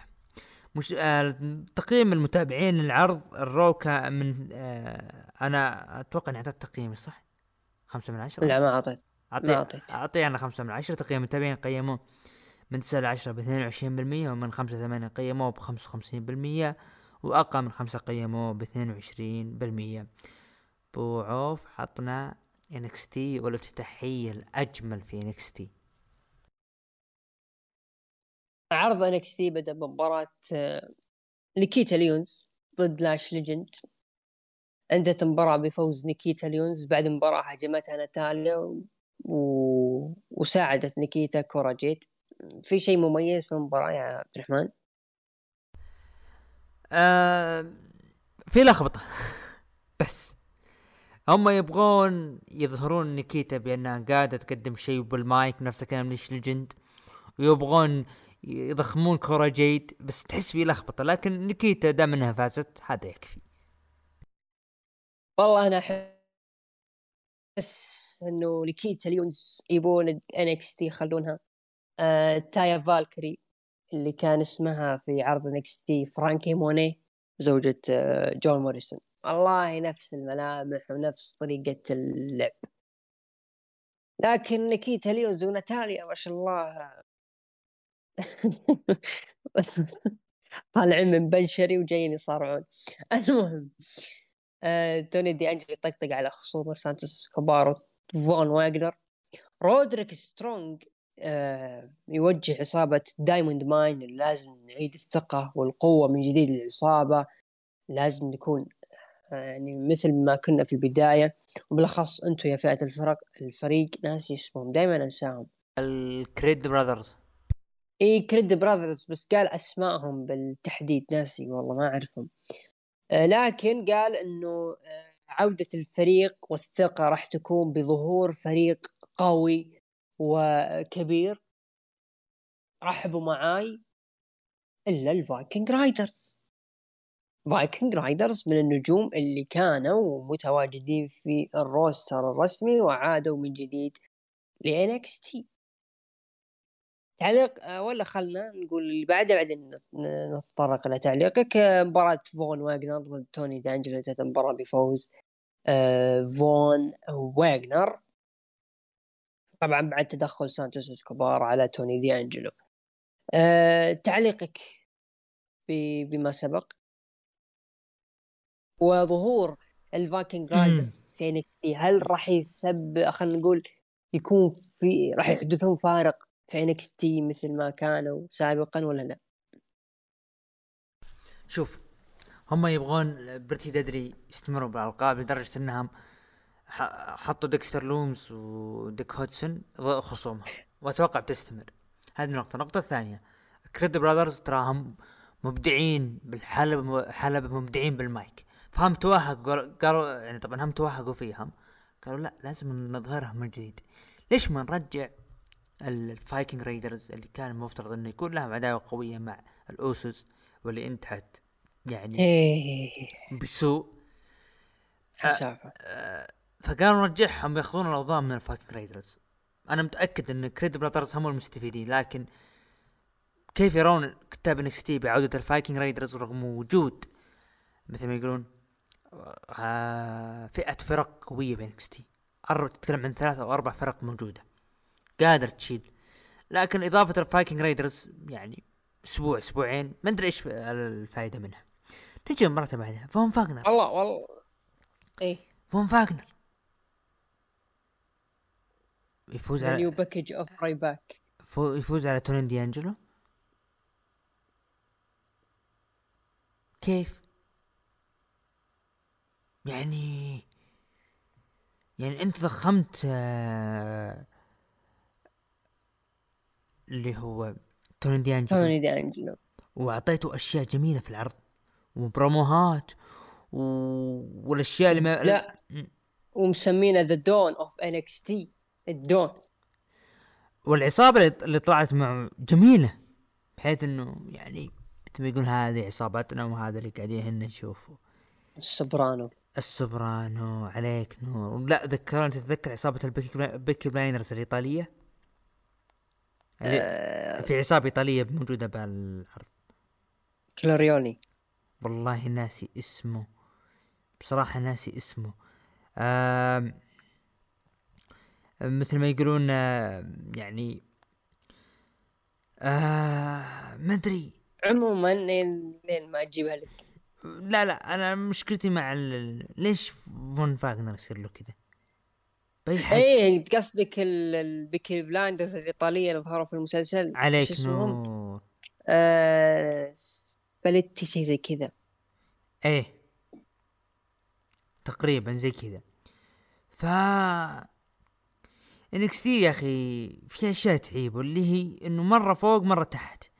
رغم إنه عرض ترى جميل يعني. بكل صراحة يعني عرض قادر يقدم لك شيء قادر آه، مثل ما يقولون لكن فون فاغنر يفوز. ما حبيته. فون واغنر لأنه ستايل دبليو دبليو الطويل من الاشقر فقط. ولا أنا بالنسبة لي؟ بكاس أوه. وبعدين يشرحونه أيوه. بيج كاس ولا راي باك والله نفسهم سبحان الله. ما تدري ليه الدبليو تعطيهم دفعات. توني دي انجلو هذه والله شوف زي ما قلت character جميل لكن مشكلته زي ما قلت التوهان اللي يصير للنجم. يعني الحين هو دخل مع فون واجنر والحين مع سانتوس إسكوبار. فراح يخسر لهذا بشكل نظيف راح يفوز لهذاك بشكل نظيف. ف في نجم بيضحى فيه في NXT صراحة. طبعا في صارت بنت اللي هي أتوقع سجلت ظهورها في NXT هذا الأسبوع اسمها روكسي بريز كانت بجانب أندي هارتويل و آه، بيرجا بيروتا وجو اللي هم Toxic Attraction وقاعد تطقطق عليها ماندي روز أه وتحدتها في العرض وشفنا video package لظهور نيثن فريزر الأول في NXT وكان إيش اسمه المعلق فيك أه يطبل النجم وإنه موهبة قادمة أه بعدها هذا معلش هذا. هذا أحد تلاميذ آه، سيث صحيح؟ أه يب صحيح. نعم. معلومة آه. يطبل بالعكس مم- بنشوف إحنا الأسابيع الجاية إيش بيقدم أنا ب- بنجيك العرض علشان تعرف ليش أنا زعلان على التطبيل حقه. طبعا جوش بريكس وبروكس ينسن قاعدين يجهزوا له اللي ضد الفانتازما.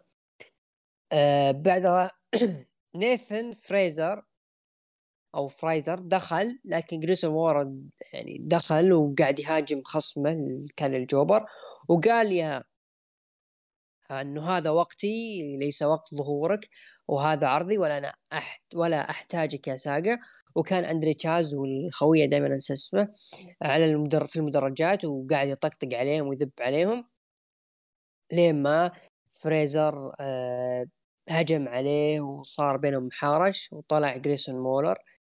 واحتفل اندري تشيس مع آه نيثن فريزر. يعني هذه يعني أنت قاعد يعني لك كم أسبوع تسوي video package لظهور نيثن فريزر وإنه النجم موهوب وعلى الحلبة وبالنهاية طلعوا بهذا الشكل. هذا اللي زعلني صراحة. ما شفنا أداء على الحلبة.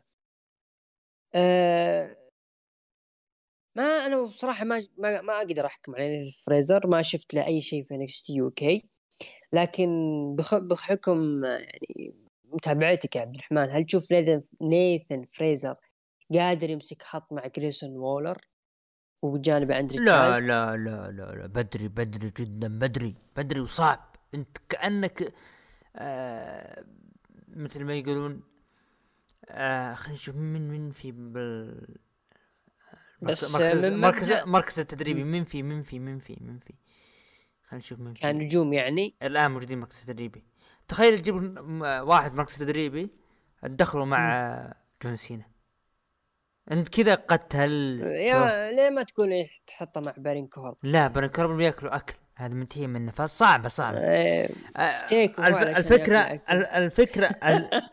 أوكي أوكي أوكي. الفكرة من ال- اللي قاعد يصير إنه استمرار آه ترويج ترويج النجم. إنه هذا نيثن أوه شفتوه هذا ها ما قدر ياخذ فرصته بسبب جريسون وولر. لكن فكرة حلوة أنا أحب اندري تشيس ترى والله العظيم فقراته جميلة جميلة. والله العظيم إنسان جميل بكل صراحة. video package آخر لأحد النجمات القادمة في NXT اسمها أريانا جريس. واضح إنها موديل وقالت تنفعين تصارعين. طبعا شفنا مباراة فرق نسائية بين كيدن كارتر وواحد غبار، كاتانا أخبار شانس اللي كان اسمها كيسي كاتنزارو العبوا ضد آه اللي هو فريق يوليسا ليون وفالنتينا فيروز أعتقد ذي بعد غيروا اسمها كان اسمها فالنتينا شيء آه فازوا كيدن كارتر وكاتانا. شانس okay. نجي هنا. كايدن كارتر و... أو أو شو اسمه كيسي كاتنزارو. طول عمرهم يط- يطلعون إنك عرض شوية يفوزون ويختفون. بس. هذا هذا الإضافة اللي حبيت أقولها. المشكلة في كيدن كارتر نفسها. كيدن كارتر أداء سيء جدا في المباراة. كله ثنتين. ك... ك... كيسي كاتنزارو دخل دخلت ب Rumble 2019 تقريبا أو آه، 2019 أعتقد أو 2021 أعتقد. يب إيه. آه وقدمت بس ما أداء لا بأس لكن مم. ما أدري إيش الفكرة إنهم يطلعون الأسبوع هذا يفوزون بعدين يختفون. بنشوفهم في بدا... في البدايات ترى كانت تقدم حلو ترى. بنشوفهم في- آه، الأسبوع الجاي. هل هم فعلا بيطلعون أو لا؟ أو الاسابيع الجايه آه فوجئنا إنه بروكس ينسن.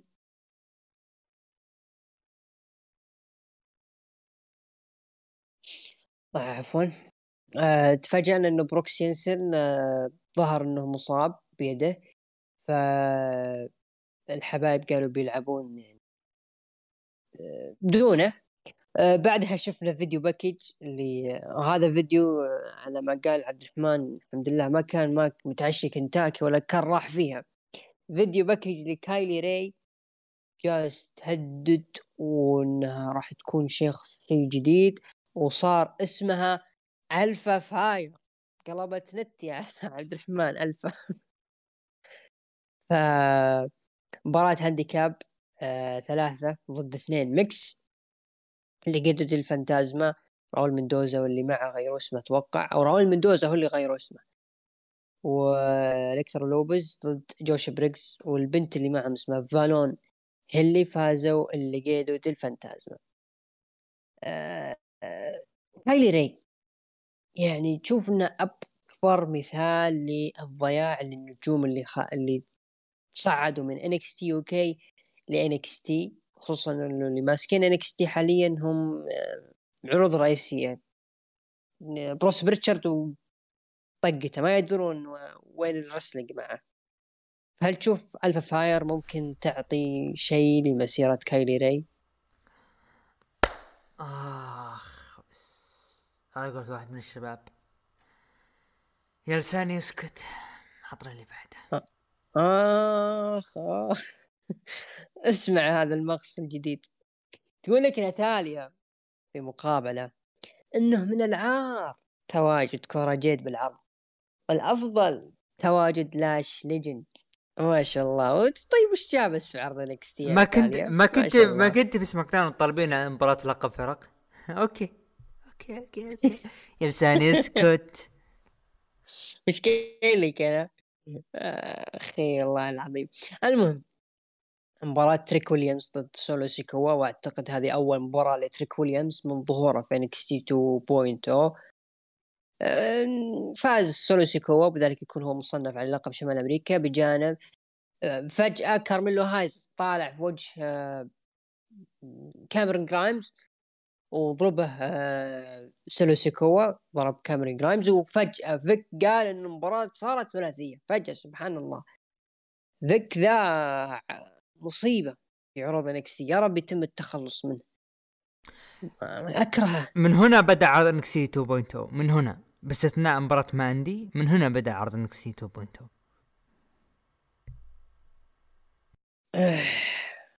رأيك بأداء تريك ويليامز صراحة رغم إنه أد... لا على قده صراحة لكن حلو. حلو حلو حلو. أداؤه حلو على على اسمه وعلى اللي قاعد يس- يسويه حلو. متحمس. متحمس المباراة الثلاثية اللي على لقب شمال أمريكا. وليش لا، يتو. يتوج فيها سولو سيكوا. أنا بالذات النجم هذا ما عندي مشكلة. ممكن بعض يقول أوه عشان مع اخوانه اليوسو لا لا لا بالعكس يستاهل. ليش لا؟ والله سيكوا ترى مقدم شيء حلو في NXT صراحة. ما نبي نظلم الرجال لكن ترى مقدم. أه تخيل عاد أحسه بعد Backlash بياخذ لا صح هي الأسبوع الجاي. العرض حقهم باك ريزن شيء زي كذا. أه Legado del Fantasma جالسين رافعين خشومهم وإن الأفضل وإن العائلة وحالتنا حالة وبالنهاية ينصقعون قريب.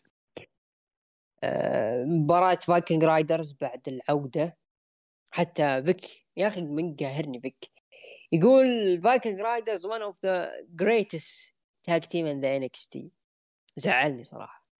لعبوا مباراة ضد إدريس انوفي ومالك بليد فريق يعني مندمر في NXT فازوا الفايكنج رايدرز.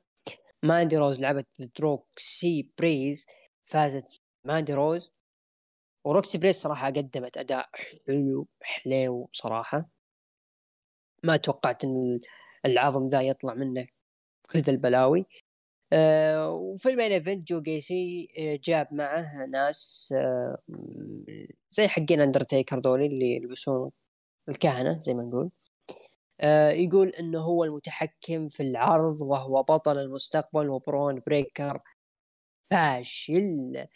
لين ما ظهر ريك ستاينر والد برون بريكر وكان كومبارس قال له يا بريك يا أنت اخترت الوقت المناسب أو الوقت الأسوأ. دخل برون بريكر وصار جالد. بينهم انتهى لصالح جو جيسي آه، رأيك بال... بما سبق خصوصا روكسي بريز هل بيكون لها مستقبل خصوصا بعد أدائها مع ماندي روز؟ طلعت سكيب. العرق من ماندي. آه، جو جيسي طبعا نهاية العرض احتفل مع لقب NXT وهل هذه آخر مرة شوف جو جيسي يحمل لقب NXT ولا راح يكون في تبادل ألقاب في عرض NXT والله شوف ال- ال- اللي قبل الفقرة الأخيرة skip بالنسبة لهذا ما أتوقع ليش؟ آه. أنا آه قلتها الأسبوع الماضي أنا قلت برون بريكر mix ما بين مين ومين؟ أبو عوف رومان رينز وجون سينا. بين بارين كوربن ورومان رينز. لا لا روم روم رومان رينز وجون سينا. والله ما ودنا ندخل في الموضوع. إيه.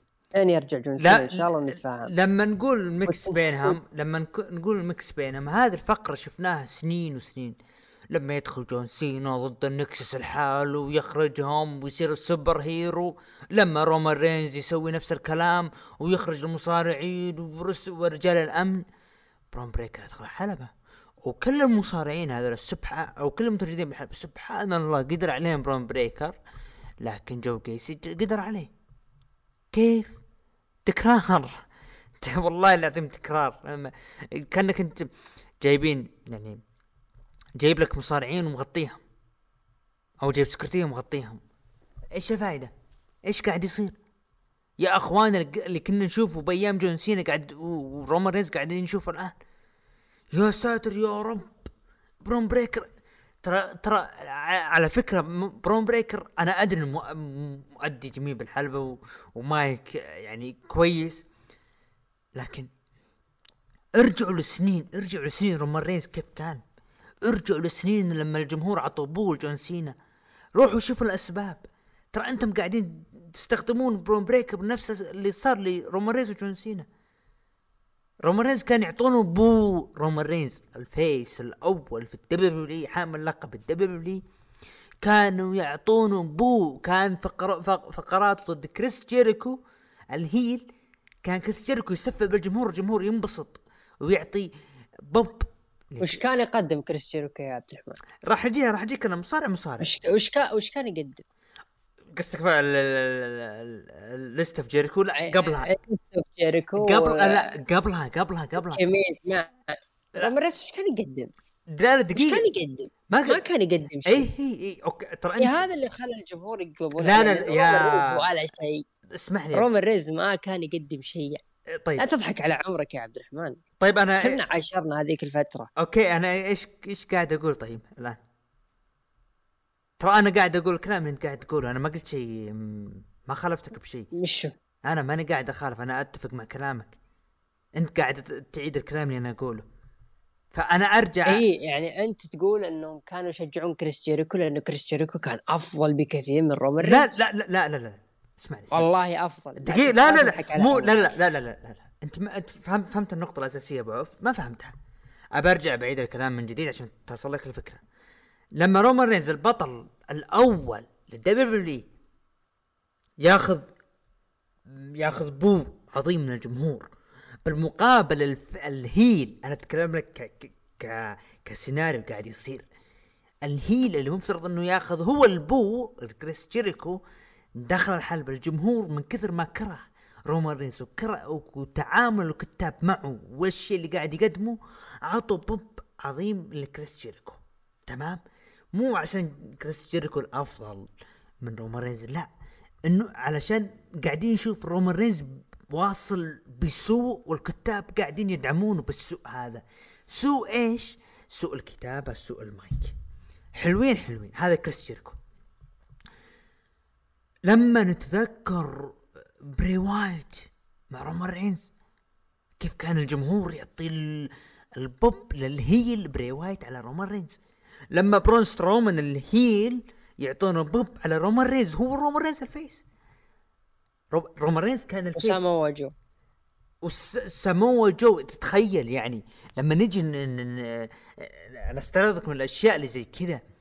هذه نرجع ليش؟ في سوء قاعد يصير. الآن قاعد نشوف برون بريكر يمشي على خطى رومان رينز بعضهم يقول لي لا حط برون بريكر بعرض الرئيسيه وخلي اللي يقدمه ب NXT يقدمه بعرض الرئيسيه أقسم بالله العظيم راح يكون سيء.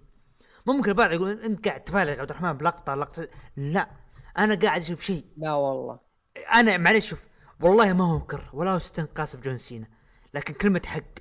مرينا فترات سيئة لجون سينا. ممكن أبو عوف يرى إنه لا جون سينا هو الأفضل مستحيل هذا شيء راجع لأبو عوف. لكن مرينا بسنين كنا زعلانين إن جون سينا كيف يخضع شون مايكلز. وليثبت إنه فعلا إنه كان قرار خاطئ. الليلة الليلة اللي بعد المانيا فاز فيها شون مايكلز فوز نظيف. هو النهاية هي النهاية اللي خربت كل شيء. اي ف عارف ولا الفوز ترى ما راح يضر لو فاز بس النهاية الأخضاع هي اللي كانت. هذه هي النقطة. هنا نجي. ليش أنت أعطيته إنه يخضع المصارع والليلة المشكلة ما هو هنا مشكله بس شوف يا عبد الرحمن لو تجي تقارن بين الاثنين ترى جون سينا كان يقدم أشياء. اي عليك أنا بجي كان يقدم كان يقدم عليك نور. كان يقدم بروموهات. عليك نور. أنا ب... ولا يومك تذكر ترى. عليك نور. رومان رينز لو تجي تراجع ال history حقه ترى كل الخصوم اللي ضده هم اللي يرفعوا عداوته. عليك نور. أنا كنت بقول لك الكلام هذا بس أبو عوف أعطني نفس الشيء أعطني فرصة عشان أكمل. هو لأن آه الموضوع بيطول لا لا كان لا. بودكاست كامل إيه ف تكلمنا عشان عشان لا لا لا لا لا ابو عوف بس اسمح لي. تتكرر مرة في السبيسات طيب. كل بودكاست جيب طارية. يعني. اسمح لي إني أنا أكمل النقطة هذه. آه ما في مشكلة. ف نجي للفكره الاساسيه أنت اتخذت قرار بإخ... بإخضاع نجم تمام؟ ليش ليلة بعدها تجي تسوي بالطريقة هذه؟ هنا يدل إنه في سوء كتابة. مرت سنين. جون سينا الفرق ما بين سينا ورومان رينز. اللي يشفع إنه جون سينا يتقبله أكثر من رومان رينز ترى كان يتكلم. ترى كان يتكلم. كان يتكلم. أنا بالنسبة لي ممكن اللي أنا ألوم جون سينا موضوع ال Nexus.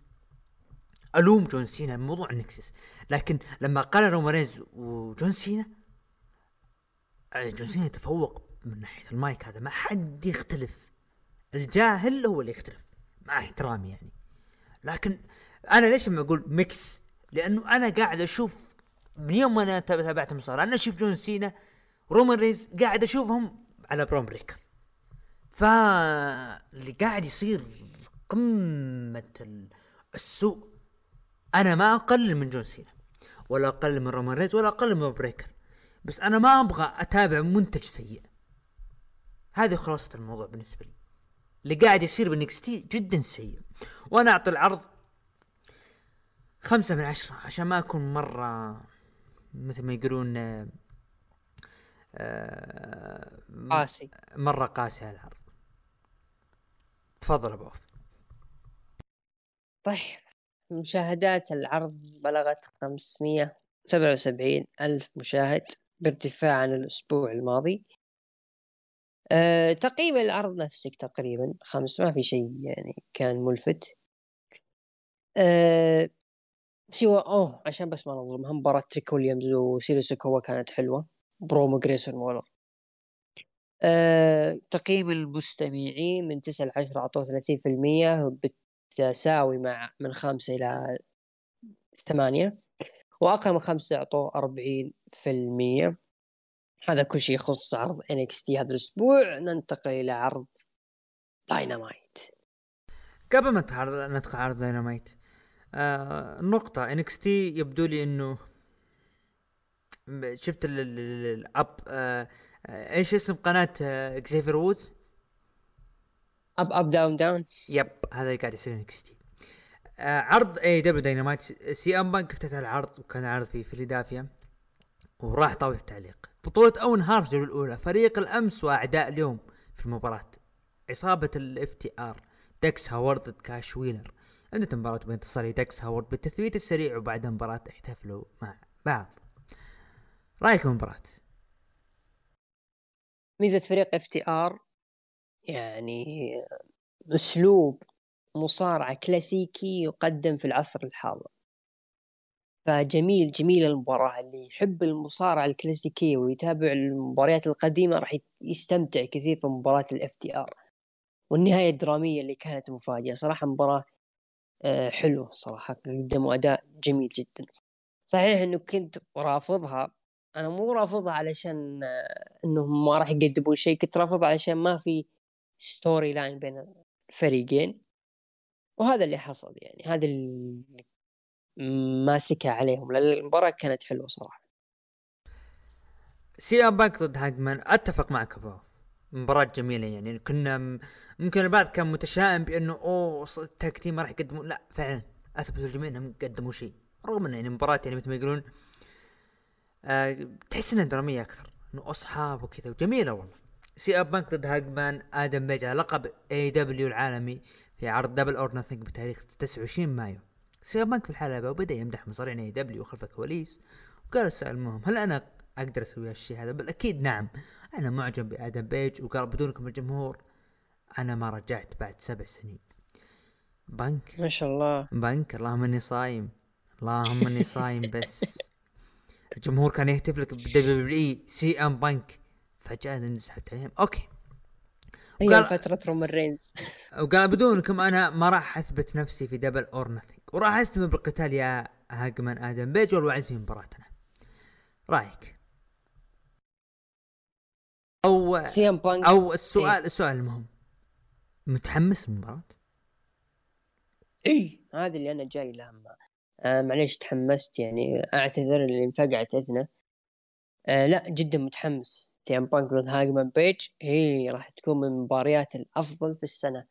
لأن لو تلاحظ ترى عرض Double or Nothing AEW عاملة على إنه عرض راسلمينيا عندهم. أنا لو تيجي تراجع الإعلانات يكتبون لك spectacular week فواضح إنه Double or Nothing خلاص هو العرض الأول في اتحاد AEW عرض أو مباراة سي ام بانك وهانجمان آدم بيج هي المباراة اللي راح ترد على بروك ليسنر ورومان رينز.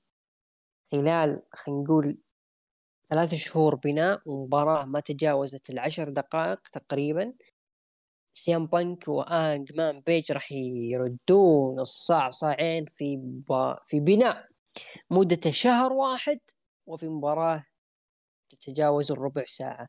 لذلك أنا متحمس جدا للمباراة وراح نشوف إيش ممكن يقدم هانجمان آدم بيج أمام واحد يعني من الناس اللي إذا تكلموا في المايك يعني الله يستر من لسانه وكيف ممكن يتعامل هانجمان آدم بيج. لأنه الشيء اللي ينقص هانجمان بيج كبطل في AEW البروموهات هانجمان آدم بيج يعرف يستخدم الكلمات يعرف يختار الكلمات وعنده طريقة رد جميلة جدا. لكن المشكلة في استخدام الكلمات والنبرات في الصوت. نفس اخواننا اليابانيين. هانجمان بيج لا يعاني من هذه النقطة. تحس إنه حافظ الكلمات. هذا الشيء يعني يقلل من قيمة هانجمان بيج كبطل ل AEW لكن في هذه العداوة وخلال بناء المباراة هذه اللي راح تكون في عرض Double or Nothing راح تكون فعلا Double or Nothing راح نشوف إبداع متبادل بين الطرفين. وسي ام بانك سبع سنوات رجعت عشانكم ف مثلك لا تعلق. نسينا UFC يعني. براين دانيلسون آه خليني بقول حاجة. بصراحة أنا أختلف معك أنا أرى إنه العداوه هذه بدري أحس لو اخروها بيكون أفضل. براين دانيلسون وويلر يوتا وجون موكسلي وهاجم جون موكسلي فريق كيوتي مارشيل اللي هم نيك وآرون سولو لعبوا مباراة انتهت المباراة منتصر لفريق براين ويوتا وموكسلي. كيف أداء يوتا يا عبد الرحمن؟ والله جميل. تخيل هذا مبدع ويقدم أداء جبار وعمره لسه صغير عمره 25 واضح سنة. واضح إنه صغير أصلا واضح 25 سنة. واصلا راح يساعده آه، وجود ويليام ريجل وكذلك جون موكسلي وبراين دانيلسون. نعم الثلاثه راح يساعدونه. آه بعدها لانس ارشر في الحلبة MJF بدأ يطقطق على أهل فيلادلفيا. ووردلو مربوط رهيبة الطقطقة. دخل الجولد جولد بيرج شفت شفت لما نقول برون بريكر mix جون سينا و, و... ورومان رينز هذا ووردلو mix جولدبرغ وجون سينا ورومان رينز الثلاثة كلهم جمعهم مع بعض ولا؟ ب... وبيج شو. آه مو بيكشو عفوا آه هولك هوجن باتيستا هولك هوجن أربع أربع أشخاص هذول ووردلو مربوطه مر مربوطة يدين ولعب مباراه ضد لانس آرشر. انت مباراه تسلي ووردلو راح أجي وأخذ رأيك بعدين.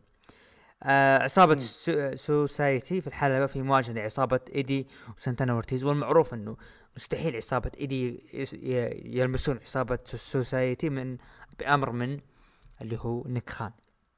Okay نيك خان. حسبي الله عليك نيك خان قريت خبر لك آه خلاني أزعل. توني خان كلهم عيال خان. المهم وقال عيال عم شكلهم وقال جيريكو اسمعني. ترى انت محظوظ إن يا ايدي إنك تعيش في حقبة كريس جيريكو. وقال أبيك تعتذر لنا لكن سووا حركة.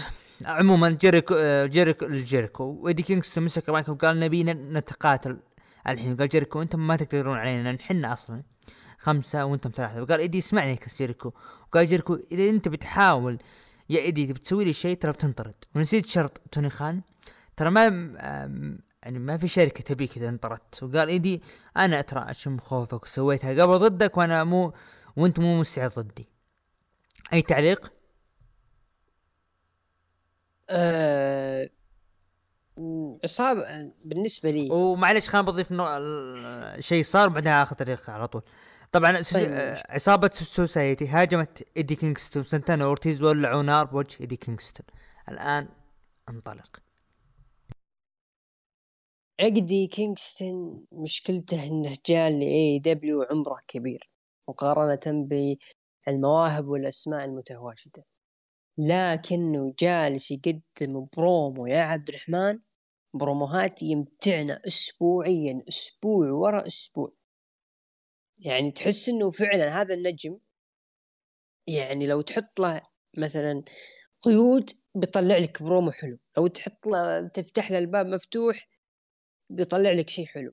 جالس يقدم أداء على المايك جدا خرافي مع كريس جيريكو. هو اللي يولع العداوة.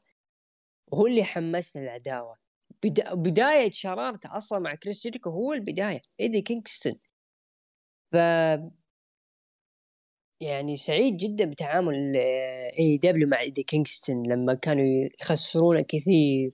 لما ما كانوا يعطونا مساحة اللي كان يستحقها. كنا دائما نشوف إنه جون موكسلي هو اللي منقذ هو اللي عليه الشغل وإيدي كينغستون فقط خلينا زي ما نقول مكمل جون موكسلي لكن هنا إيدي كينغستون يعني لما تشوفوا اللي قاعد يقدمه مع كريس جيريكو تحسوا هذا نجم من طينة كبار صراحة. آه لانس آرشر خلاط بين باتيستا وجولدبرغ ما أدري النجم لوين راح يوصل مع ام جي اف فقط يعني هذا اللي قاعد أقدر أقوله صراحة. اللي شال العرض ككل بالنسبة لي ام جي اف لما طقطق على أهل فيلادلفيا ولو تلاحظ في اللقطة أهل فيلادلفيا ما ما ضحى ما قالوا boo ضحكوا. فهذا يا أخي إشارة ل AEW إلى متى ام جي اف مهمل؟ إلى متى؟ إلى متى يدخل في سيناريوهات ثانوية في عروضكم؟ يعني مو معقول هو يشيل عداوة كريس جيريكو وكريس جيريكو ياخذ مساحة أكبر. مو معقول هو يشيل عداوة مع سي ام بانك وسي ام بانك ياخذ فرصة مع هانجمان آدم بيج. وهو أخذ فرصة أصلا من البداية لو تذكر لما ال debut حقه مع كودي رودز. أوف. من هذاك الوقت وام جي اف ما وصل لل level التالي. متى ال level الثاني أجل لما يقرب ينتهي عقده معك وهنا يعني تحاول تسوي كل ما يمكن أن تفعل عشان تحافظ عليه وتعطيه هناك دفعة. ليه ما تعطيه الحين؟ دام إنه حي. ما تدري بعد سنتين هو حي ولا ميت. فام جي اف والله وضعه يحزن يحزن كثير. كثير كثير كثير يحزني وضع ام جي اف مع AEW وفعلا أنا والله يعني لما لما أجي احلل وضع ام جي اف فعلا أنا حسيت لما انت قلت لي إنه سي ام بانك وهانجمان آدم بيج بدري. لأنه ام جي اف لحد الآن ما أخذ فرصته على لقب AEW لو أخذت بيستحق وبياكل هانجمان آدم بيج لكن هانجمان آدم بيج صعب إنه يدخل مع إم جي إف هذا المستوى زي ما قلت لك. هانجمان بيج يعيبه كثير البرومو. فحطوه مع سي ام بانك لعل وعسى يتحسن في البرومو. هنا ندخل إم جي إف. بغض النظر هو راح يخسر العداوة له آه أمام لانز شو اسمه هو؟ ووردلو راح يخسر العداوة له. وراح تشوف إم جي إف هو المصنف الأول على لقب AEW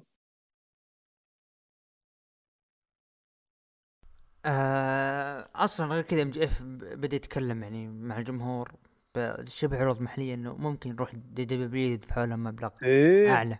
ده أمس اليوم أكثر من مرة. مقطع مقطع في عرض قال تتوقعون إني راح يعرض علي المباريات راح يعرض علي الفرص والألقاب ويجي فينس مكمان يعرض علي عرض مناسب بروح لفنس تهديد واضح من ام جي اف لا تقولوا لي character هذه حقيقة. إم جي إف يمثل آه، ما إحنا نقول الآن في البودكاست. هذا إحنا نمثل شعوره وهذا هو شعوره اللي قاعد يطلع. أنا أستحق أفضل أستحق level ثاني. لمتى بتحطوني في عداوات جانبية علشان أمشي نجومكم اللي تبغون؟ سيرينا ديب ضد هيكارو شيدا انتهت مباراة انتصار سيرينا ديب. خلف الكواليس إم جي إف كلم شخص وقال للجميع عندي خطة. وقال آه اللي هو بيج مان يعني طب كان باتصال. وقال إيش رأيك تجي الأسبوع المقبل؟ ووافق. وقال ام جي اف وردلو بيجيك شخص الأسبوع المقبل. أذكى وأقوى وأطول منك.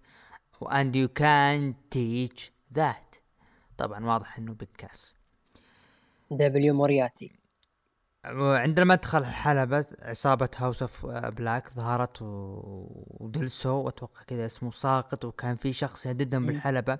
ودخل عليهم بنتاجون وعودة باك والشخص اللي كان يتكلم طلع له ري فينيكس لكن مو هو اللي تكلم. أتوقع إنه مو هو. دخل الحلبة وجلدوا لا مو هو وجلدوا عصابة ال House of Black عودة عودة جميلة ل آه باك. آدم كول ريد دراجون واليانج بكس ضد بروك اندرسون لي جونسون فارستي بلوندز ودانتي مارتين وانتهت مباراة انتصار لفريق آدم كول. رأيك؟ في مشكلة. عند AEW في booking عصابة ال House of Black ما هو قادرين يطلعون منهم الحاجة اللي يبغون. ما أدري.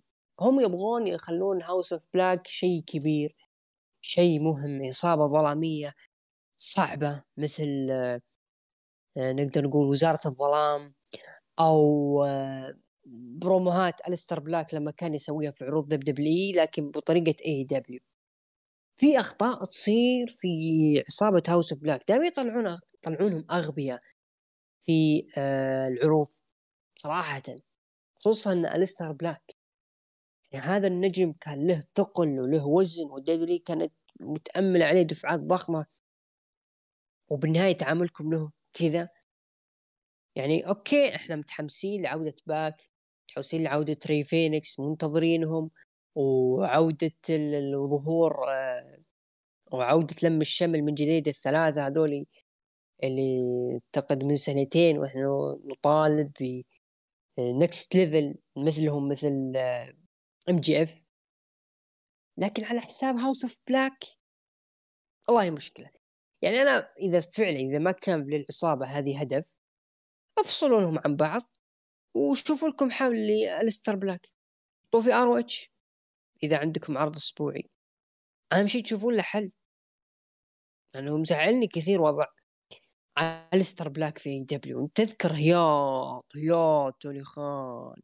لما جاب الستر بلاك وهياط يعني.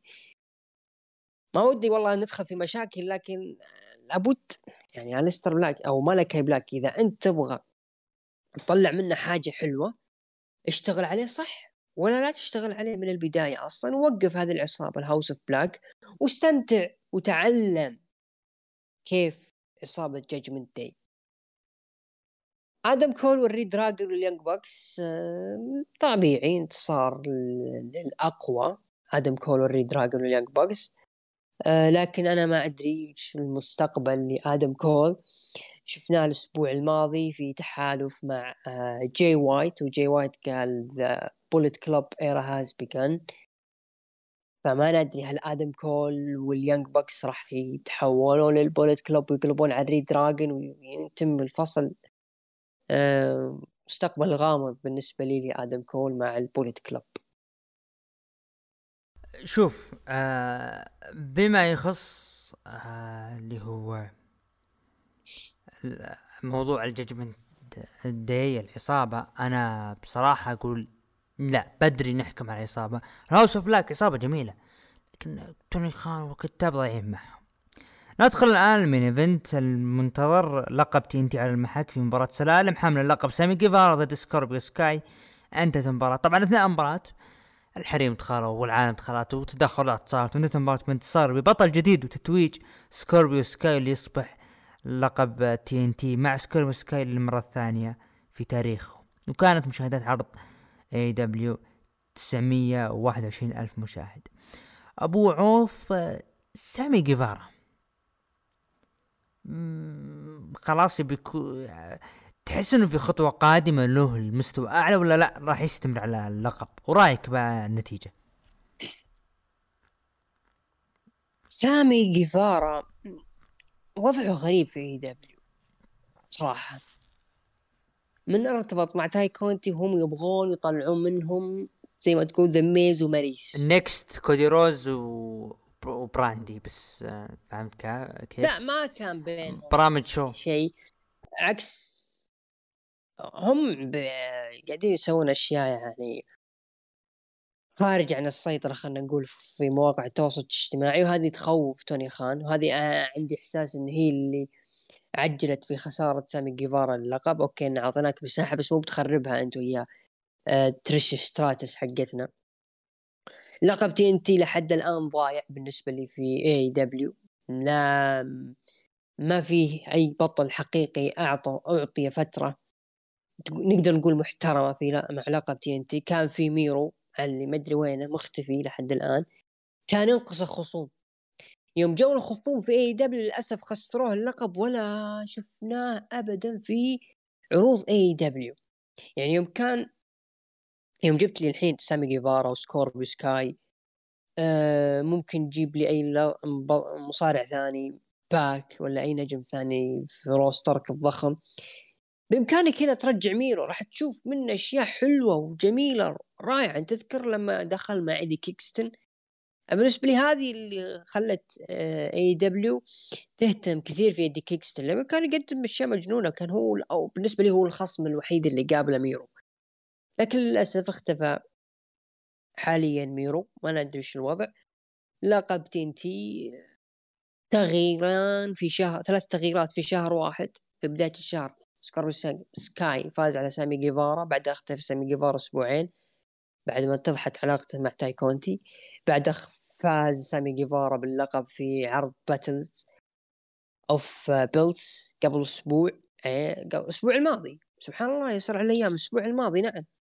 وبعد أسبوع خسر اللقب لسكوربيو سكاي ثلاث تغييرات في ثلاث أسابيع في AEW استفهام كبير للقب TNT بالنسبة لي. إذا ما كان إذا ما كان في تعامل جدي وعندك ناس سبق واشتغلوا في عروض ال WWE تحدث هنا عن براين دانيلسون وتحدث هنا عن آه ويليام ريجل وتشوف أنت الحين نجاحهم مع ويلر يوتا قدروا يطلعون منه حاجة خرافية نستمتع فيه اسبوعيا في Rampage ولا في عروض داينامايت. والآن اعطيتها الأمل إنه يكون وجه لك في اتحاد ROH. ليش ما تخلي هذا فريق الكتابة عندك أو فريق الإبداع؟ ليش؟ ليش يا توني خان تقعد بس تسوي اللي في بالك؟ ومقتنع يعني أنت تبغى تكون فينس مكمان في AEW اللي يسويه فينس أو اللي أنا أبغاه يصير في العروض يصير. whatever كان ناجح ولا فاشل؟ عندك الآن ناس سبقوا واشتغلوا ونجاحاتهم آه، موجودة على أرض الواقع. عندك آرن أندرسون وتاريخ خلف كواليس. تقدر آه، تطلع منهم حاجات يعني جيل مع جيل جيل من الثمانينات جيل آه، نقدر نقول متمسك بمسلمات المصارعة وجيل لا متجدد. والله بتطلع عروض AEW خرافية. ليش؟ لأنه AEW عنده roster عنده roster لكن لما نشوف مثلا تغير لقب خلال ثلاث أسابيع وواحد مفروض يكون هو الواجهة وضايع وعصابة ضايعه والتركيز كله على ال Elite نفسهم. أي نجم أي شيء حول ال Elite نركز عليه. ما راح أحد يهتم. okay عروضكم حلوة إن ندعمكم لأنه إحنا محتاجين خصم يوقف أمام عفن ال WWE لكن إذا أنتم تقدمون نفس الشيء مع ال WWE فما في فرق الصراحة بين اي دبليو والدبليو دبليو هذه ختامية ل AEW صراحة. عطني تقييمك العرض آه العرض. برضو أعطيه ستة نقول ستة من عشرة. أنا أتفق معك أعطيه ستة من عشرة. تقييم المتابعين قيم عرض AEW من تسعة لعشرة بواحد وعشرين بالمية ومن خمسة ثمانية قيموه بسبعة وخمسين بالمية وأقل من خمسة قيموه بواحد وعشرين بالمية. أفضل عرض أفضل عرض أسبوع شفته يا أبو والله تبي الصدق. مم. من هو أسوأ العرض خلال هذا الأسبوع؟ كان SmackDown. ولا كل العروض بالنسبة لي كانت متساوية. ما في أحد يتفوق على الثاني. أنا بصراحة أنا أرى أنه NXT و AEW بالتساوي يعني. لا خلينا نتفق معك. أنا أنا أرى برضو كلهم بتساوي باستثناء SmackDown. تقييم متابعين قيموا Raw ب 50% و NXT و AEW بالتساوي وأخيرا SmackDown ب 7% طبعا AEW و NXT ب 21% بالتساوي وأخيرا SmackDown 7% طبعا الآن نصل الختام. نذكر متابعينا المقطع اللي نزل عن البرود تابعوا حسابنا في قناة اليوتيوب. لا تنسون ال like وال subscribe وال share. الإعلان المهم طبعا هذا أوامر من من حمل علي قال إنه يعني لازم آه، تقولونها من البودكاست. طبعا الأسبوع المقبل ما راح يكون في ظهور لنا في الحلقة رقم 115 راح تتأجل إلى الأسبوع مو الأسبوع القادم ما بعد القادم. نظرا لتوافق العيد وراح يعني مثل ما يقولون ناخذ break و ونفرح فرحة العيد مع العالم ويعني ونزور أقاربنا ونستمتع بلذة العيد.